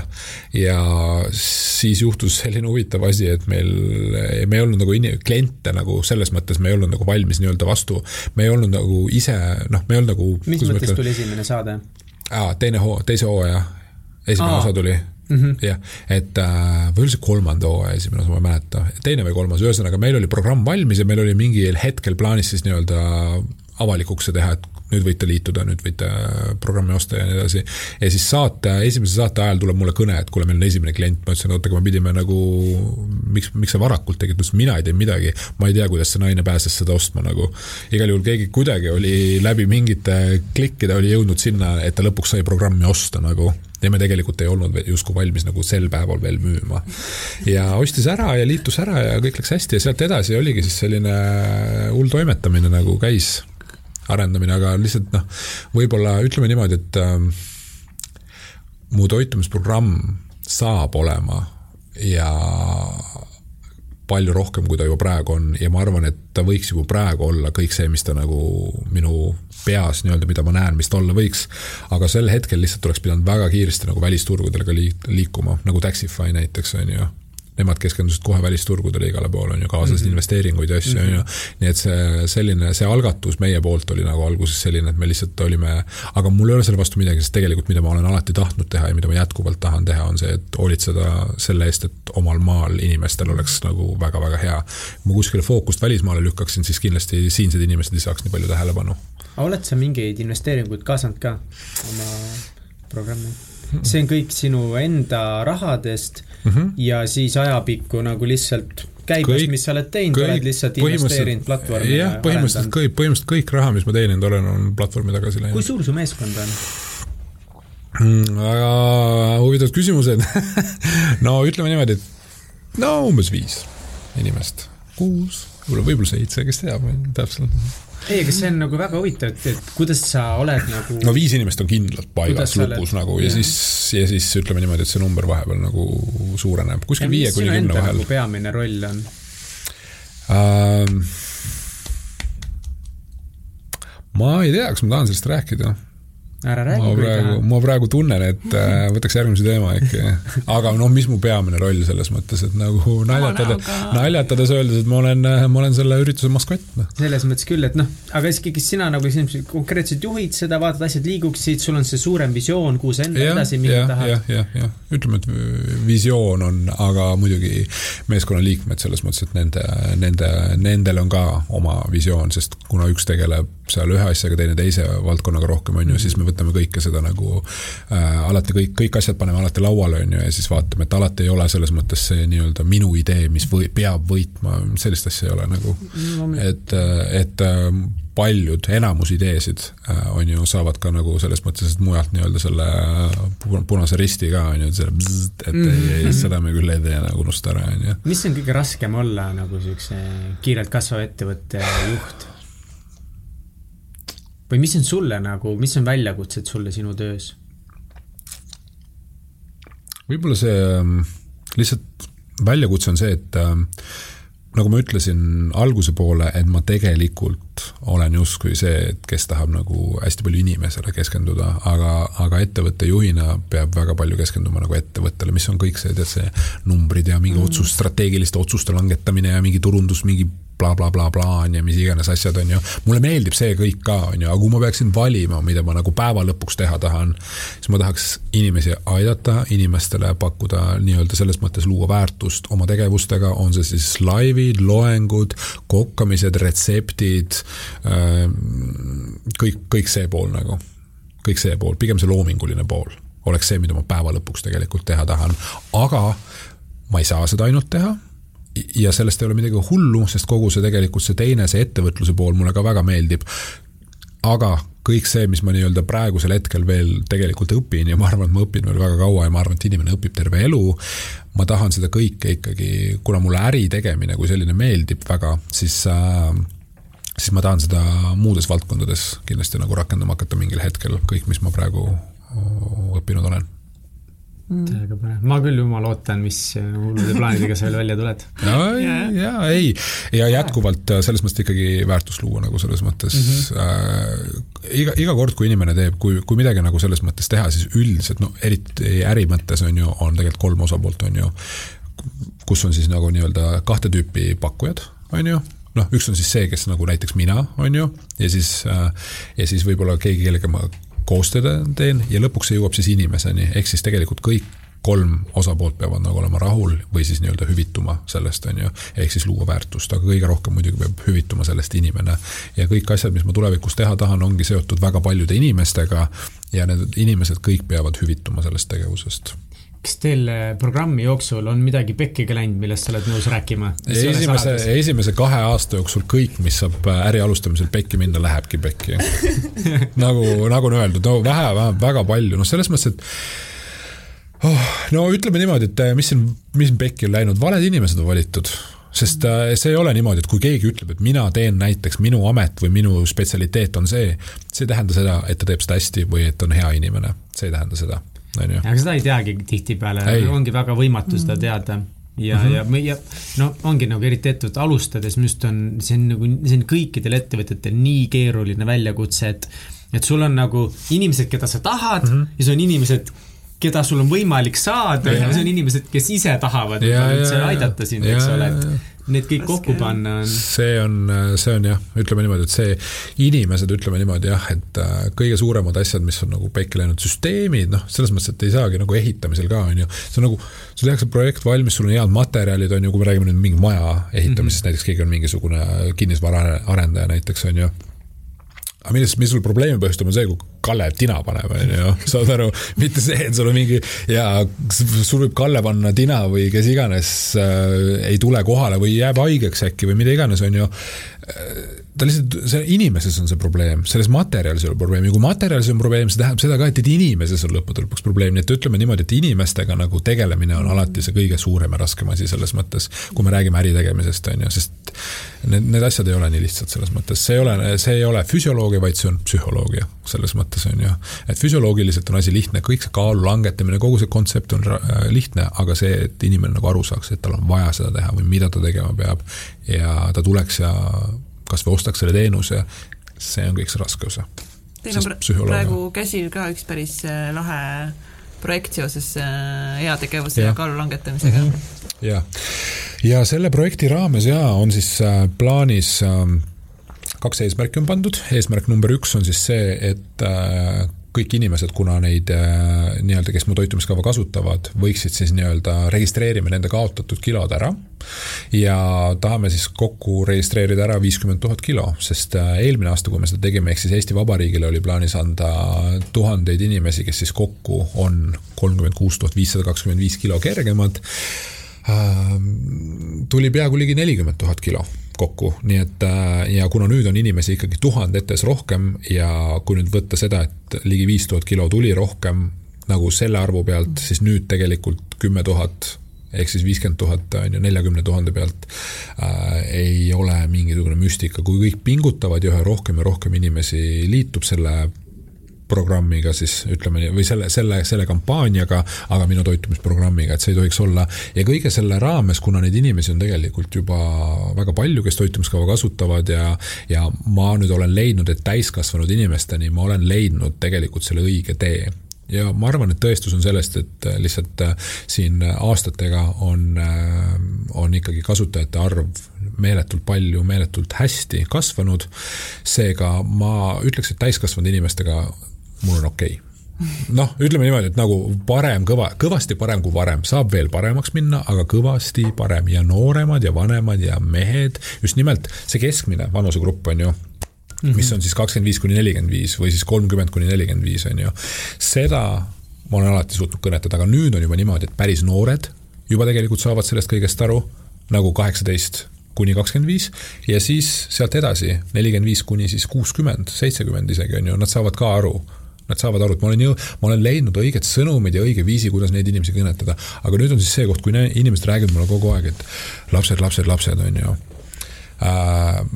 siis on aeg aidata lapsi ja selleks puhuks on siis tegelikult, ma veel sellest mõnda aega tagasi ei teadnud, on siis selline lastehaigla projekt, programm, kus on siis äh, aastas aidatakse kakskümmend last, nende jaoks on siis pikk pikk periood, ligi, ligi aastane periood on see ja selle aja jooksul siis muudetakse nende liikumisrütmi, nende toitumisharjumusi, nende psühholoogiaga tegeletakse, on ju, füsioloogiaga, neil tehakse laager ja nendega tegeletakse selles mõttes nagu õigesti ja nende eduprotsent on kuuskümmend kolm protsenti. ja minul isiklikult ei ole sellist äh, hetkel, et sellist programmi kokku panna, seda läbi viia, kõike seda teha, mul nagu ei ole selleks nagu võimekust, on ju, aga selline organisatsioon on olemas, kellel on see võimekus olemas, nüüd on vaja lihtsalt rahastada ära see on ju.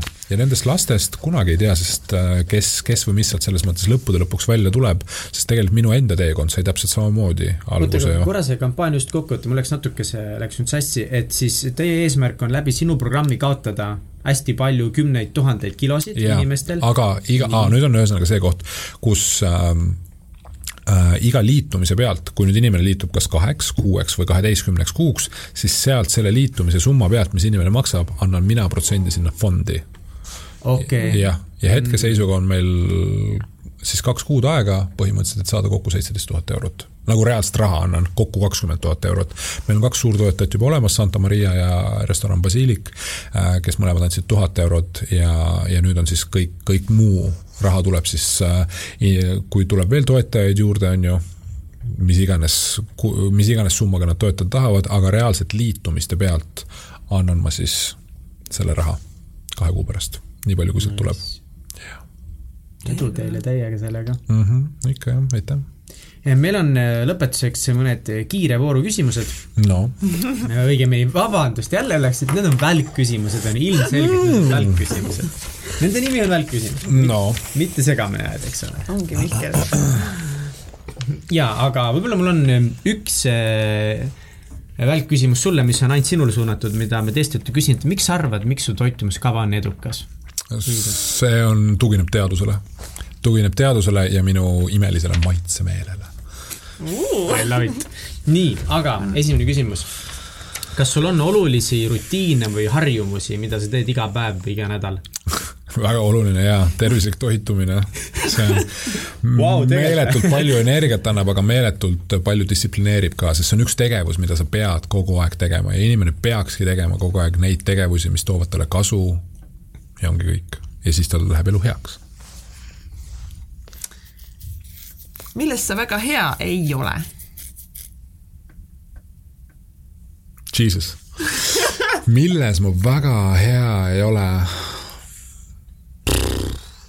ma siinkohal tekib küsimus, milles ma väga hea olen tervislikus toitumises. võib-olla. treenimises. kindlalt mm ma arvan, et ma võib-olla võiksin justkui rohkem nagu selline nagu vähe, rohkem nagu aktsepteerida kuidagi, ma ei tea, ma ümberringi mõnikord näen seda, kuidas äh, kuidas mõni inimene on lihtsalt mõne asjaga nõus ja mul lihtsalt ei mahu pähe, kuidas ta saab niimoodi nagu sellega nõus olla. kuidas ta suudab seda taluda nagu, ma arvan, et võib-olla mu taluvuspiir võiks olla natukene nagu parem ma lihtsalt üleüldist maailmavaadet või just nagu tervislikku elustiili? ma arvan, et äh, ma arvan, et kõiki asju, mul lihtsalt võib-olla ma mingil määral mingites valdkondades, ütleme niimoodi, ma tahaks natuke oma nõudmisi natukene tahaks nagu järele anda, aga mul on alati niimoodi, et mida iganes, kus iganes ma tahan lihtsalt maksimumi nagu. võib-olla, võib-olla lihtsalt ei peaks kõikides asjades nagu maksimalist olema. sest ma nagu, ma olen, ma olen kõiki asju selles mõttes, kui ma käisin kasvõi Tais neid äh, riideid endale tegemas, saad aru, mul oli niimoodi, et nagu mingi selline skännimine käis nagu, kus ma nagu, see asi muutus nii palju nendel vendadel vahepeal, ma arvan, et nad tahtsid seal nagu juba, olid nagu, ma ei tea, mida nad mõtlesid, on ju. et võib-olla lihtsalt nagu äkki nad ei teegi mulle neid asju, aga mulle, aga lõpuks tulemus sai olema nii, et et rätsepa suhtes, kes sulle riideid siis tegid, et sa olid väga nõudlik mm, -hmm. et kuidas täpselt teeksid? ma ütlesin, et mm. kõik mm. asjad, seal oli mingi üks asi oli kuskilt midagi, no mul oli vau, vau, vau, vau, vau, vau, vau. mis asja nagu, tehke nüüd korda nagu. mille üle sa oled kõige uhkem oma elus äh,? kindlasti selle üle, et ma olen suutnud nii paljusid inimesi aidata. absoluutselt vaieldamatult ja see vist, ma arvan, et ei muutugi. mis on kõige pöörasem asi, mis elus teinud oled ja kas sa teeksid seda uuesti? Mis küsimused, oota, sest ma ei saa nagu välkvastust sellele anda, siin on ma sa ei pea kandma välkvastust. kuna ma olen tegelikult, kuna ma olen tegelikult päris, päris pöörane vend, siis, siis ma pean jällegi natuke valima siit asju. kas ma teeksin seda uuesti? ma teen kõik asjad, vaata, mul on see teema, et äh, okei okay,, tegelikult ei. jah, selles mõttes, et see, see on nii, see on, see on tobepöörane selles mõttes, aga see, see pakkus mulle seda mõnusat nagu rush'i tunnet küll ja mul on vot see, et see nagu laeb mu akut. kui ma teen mingisuguseid, ma ei tee selliseid, ma ei tee selle, ma ei tee, kui keegi kuskil näeb, et ma midagi selles mõttes nagu pöörast teen, ma teen seda sellepärast, et see nagu annab mulle särtsu juurde, on ju ma saan aru, et see, mida ma teen, ei ole mõistlik ja vajalik võib-olla isegi, on ju, nii-öelda tegevuse mõttes, aga see nagu laeb minu aga mis on mõni näide sellest? no on, kuule, me peame ikka kätte saama selle no,. Ma... näiteks üks pöörane asi, mis sa teinud oled, mida sa, mida sa teeksid ja kas sa teeksid? ei, ma ei teeks seda uuesti, aga selle asja ma tegin ära sellepärast, et see asi nagu selles mõttes ära teha ja tol hetkel ma lihtsalt ei suutnud nagu mitte, mitte seda, ma ise käisin selle idee tegelikult välja. ja see on? oh my god, ütleme nii, et ma tegin äh, lavastatud musi, ütleme selle kohta ah mis asja? no see, see läks ikka päris, see oli täpselt selline asi, mis ei ole tegelikult minu valdkonna ja minu isiksusega on nagu väga-väga vähe seotud. sa mängisid Ma... mingis filmis või? ei, ei, ei, no. kas see oli Tais? ei, ei, ei, see oli, see oli ühe Eesti vägagi tuntud ja skandaalse naisterahvaga avalikult äh, sai, sai niimoodi ette öeldud, et fotograafile, et mine tee sealt pilti ja see asi, no see oli nagu selles mõttes suht pöörane, ma ütleks, sellepärast ma sain sealt väga palju nagu tagasisidet, on ju. et kui see nagu tuli, oli niimoodi, et tõesti olete paar, mingi, ma mõtlesin, et kuidas te seda usute üldse, et seda küsisid, seda küsisid minu käest inimesed, kes tegelikult üldse või kes tegelikult teavad mind väga hästi, on ju ja tulid küsima minu käest, et järelikult see kõik oli nagu selles mõttes nii usutav, aga see oligi asja point. no mis on ikka Anu Saagimega selles suhtes on ju, tegime, tegime musi ja that's it, nagu seal ei olnud mingit nagu noh. Aga see oli lihtsalt sel hetkel on ju noh, jah sellel on natukene, seal on natukene nii-öelda eelinfot ka, aga see, ma ütlen, see ei ole üldse, see ei ole mina, see ei ole üldse, see lihtsalt oli sel hetkel vaja ära teha. kas ma nagu selles mõttes natukene seda kahetsen? Jah, aga. ära kahetse, come on. aga kas ma kahetsen, et ma seda nagu nii-öelda tegin, ei, nii et noh. ma kindlalt ei kahetseks ei, ei siin ei ole midagi selles mõttes ka, lihtsalt võib-olla ütleme niimoodi, et selle, selle tulemusena paar asja juhtus, mis, mida ma ei osanud oodata, ette näha, on ju, aga sel, sel, sel, sel põhjusel ma selliseid asju nagu äh, enam ei teekski. Äh, mis on edu võti? Äh, eduvõti äris või milles? mis on eduvõti? eduvõti või äh,? anda endast maksimum. skaalal ühest kümneni, kui veider sa oled?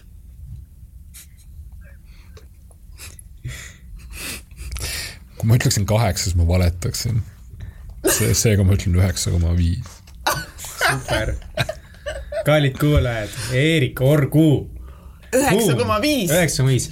Kuskohast minu, minu, minu, minu kuulajad äh, sind leiavad? kuidas sind jälgida saab? Nad saavad mind jälgida Facebookis, toitumisnõustaja Erik Orgu, Instagramis toitumisnõustaja Erik Orgu ja minu, minu, minu, minu online-pesas erikorgu.ee, kus saab ka minu toitumiskavaga liituda. ja telefoninumbrit ma ütlema ei hakka Sorry, tüdrukud, ei saa. Super, on midagi, mida sa tahad lisada lõpetuseks, Katrin? ei, aeg lihtsalt pressib nii hullult peale, aga tegelikult ma arvan, et äh, Eerik võiks ka episood äh, number kahe meiega koos teha, kus me võib-olla natuke rohkem räägiks nagu mingi tervislikest valikutest ja sellest, äh, sellest poolest ka.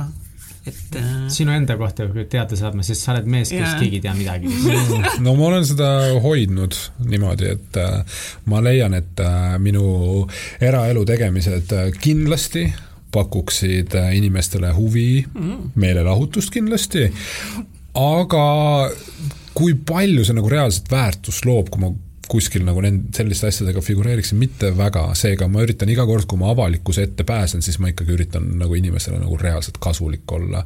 see, mida ma oma eraajal, eraelus teen, see ei ole tegelikult äh, päeva lõpuks inimesele nagu kasulik. see võib olla meelelahutavus tema jaoks ja see võib olla huvitav teada saada mingeid asju, on ju, aga sellega ta väga väga midagi muud peale ei hakka kirjutama. no selles mõttes ma arvan, et me, meie kuulajad samas nagu just räägivad seda, et kui nad kuulavad inimeste erinevaid lugusid ja story sid, kuidas nad on ennast üles ehitanud mm, -hmm. mida mhm. teinud, siis see on tegelikult väga suureks inspiratsiooni. ei, seda küll no., seda küll jaa, aga praegu lihtsalt on see, et mm -hmm. noh, see, et kui ma nagu avalikkuse ees ei ole ja kui ma nagu tööasju niimoodi omaette oma kolleegidega ei tee, on ju, siis mul on ka muud aktiviteedid, millega ma tegelen, mis ei ole nagu selles mõttes saladused, aga lihtsalt point on selles, et inimesed, kes mind nende asjadega näiteks näevad tegelemas, on ju, nad lihtsalt ei tule ütlema, et kuule, ma nägin Eerikut seal, ta tegi seda, on ju. noh, see on, see on minu, üks minu hobidest, on ju, aga, aga no nagu, nagu noh Nad ei tule, see ei ole nagu, see võib-olla, kui see nagu tuleb, kui keegi nagu otsustaks rääkida nüüd mingist ühest asjast näiteks, on ju, millega ma just hiljuti hakkasin tegelema, siis võib-olla see tuleks nagu, läheks võib-olla natukene selles mõttes suuremaks, on ju, aga see igavesti saladuseks ka ei jää, ma arvan. aga lihtsalt ma ei näe mingit vajadust sellest rääkida. aitäh sulle, super! Mega, mega tänud sulle jumala vinge oli. täiega vinge oli. Äh, kõike paremat kõikidele ja paugutame edasi. ja toituge tervislikult muidugi. tšau. tšau, tšau.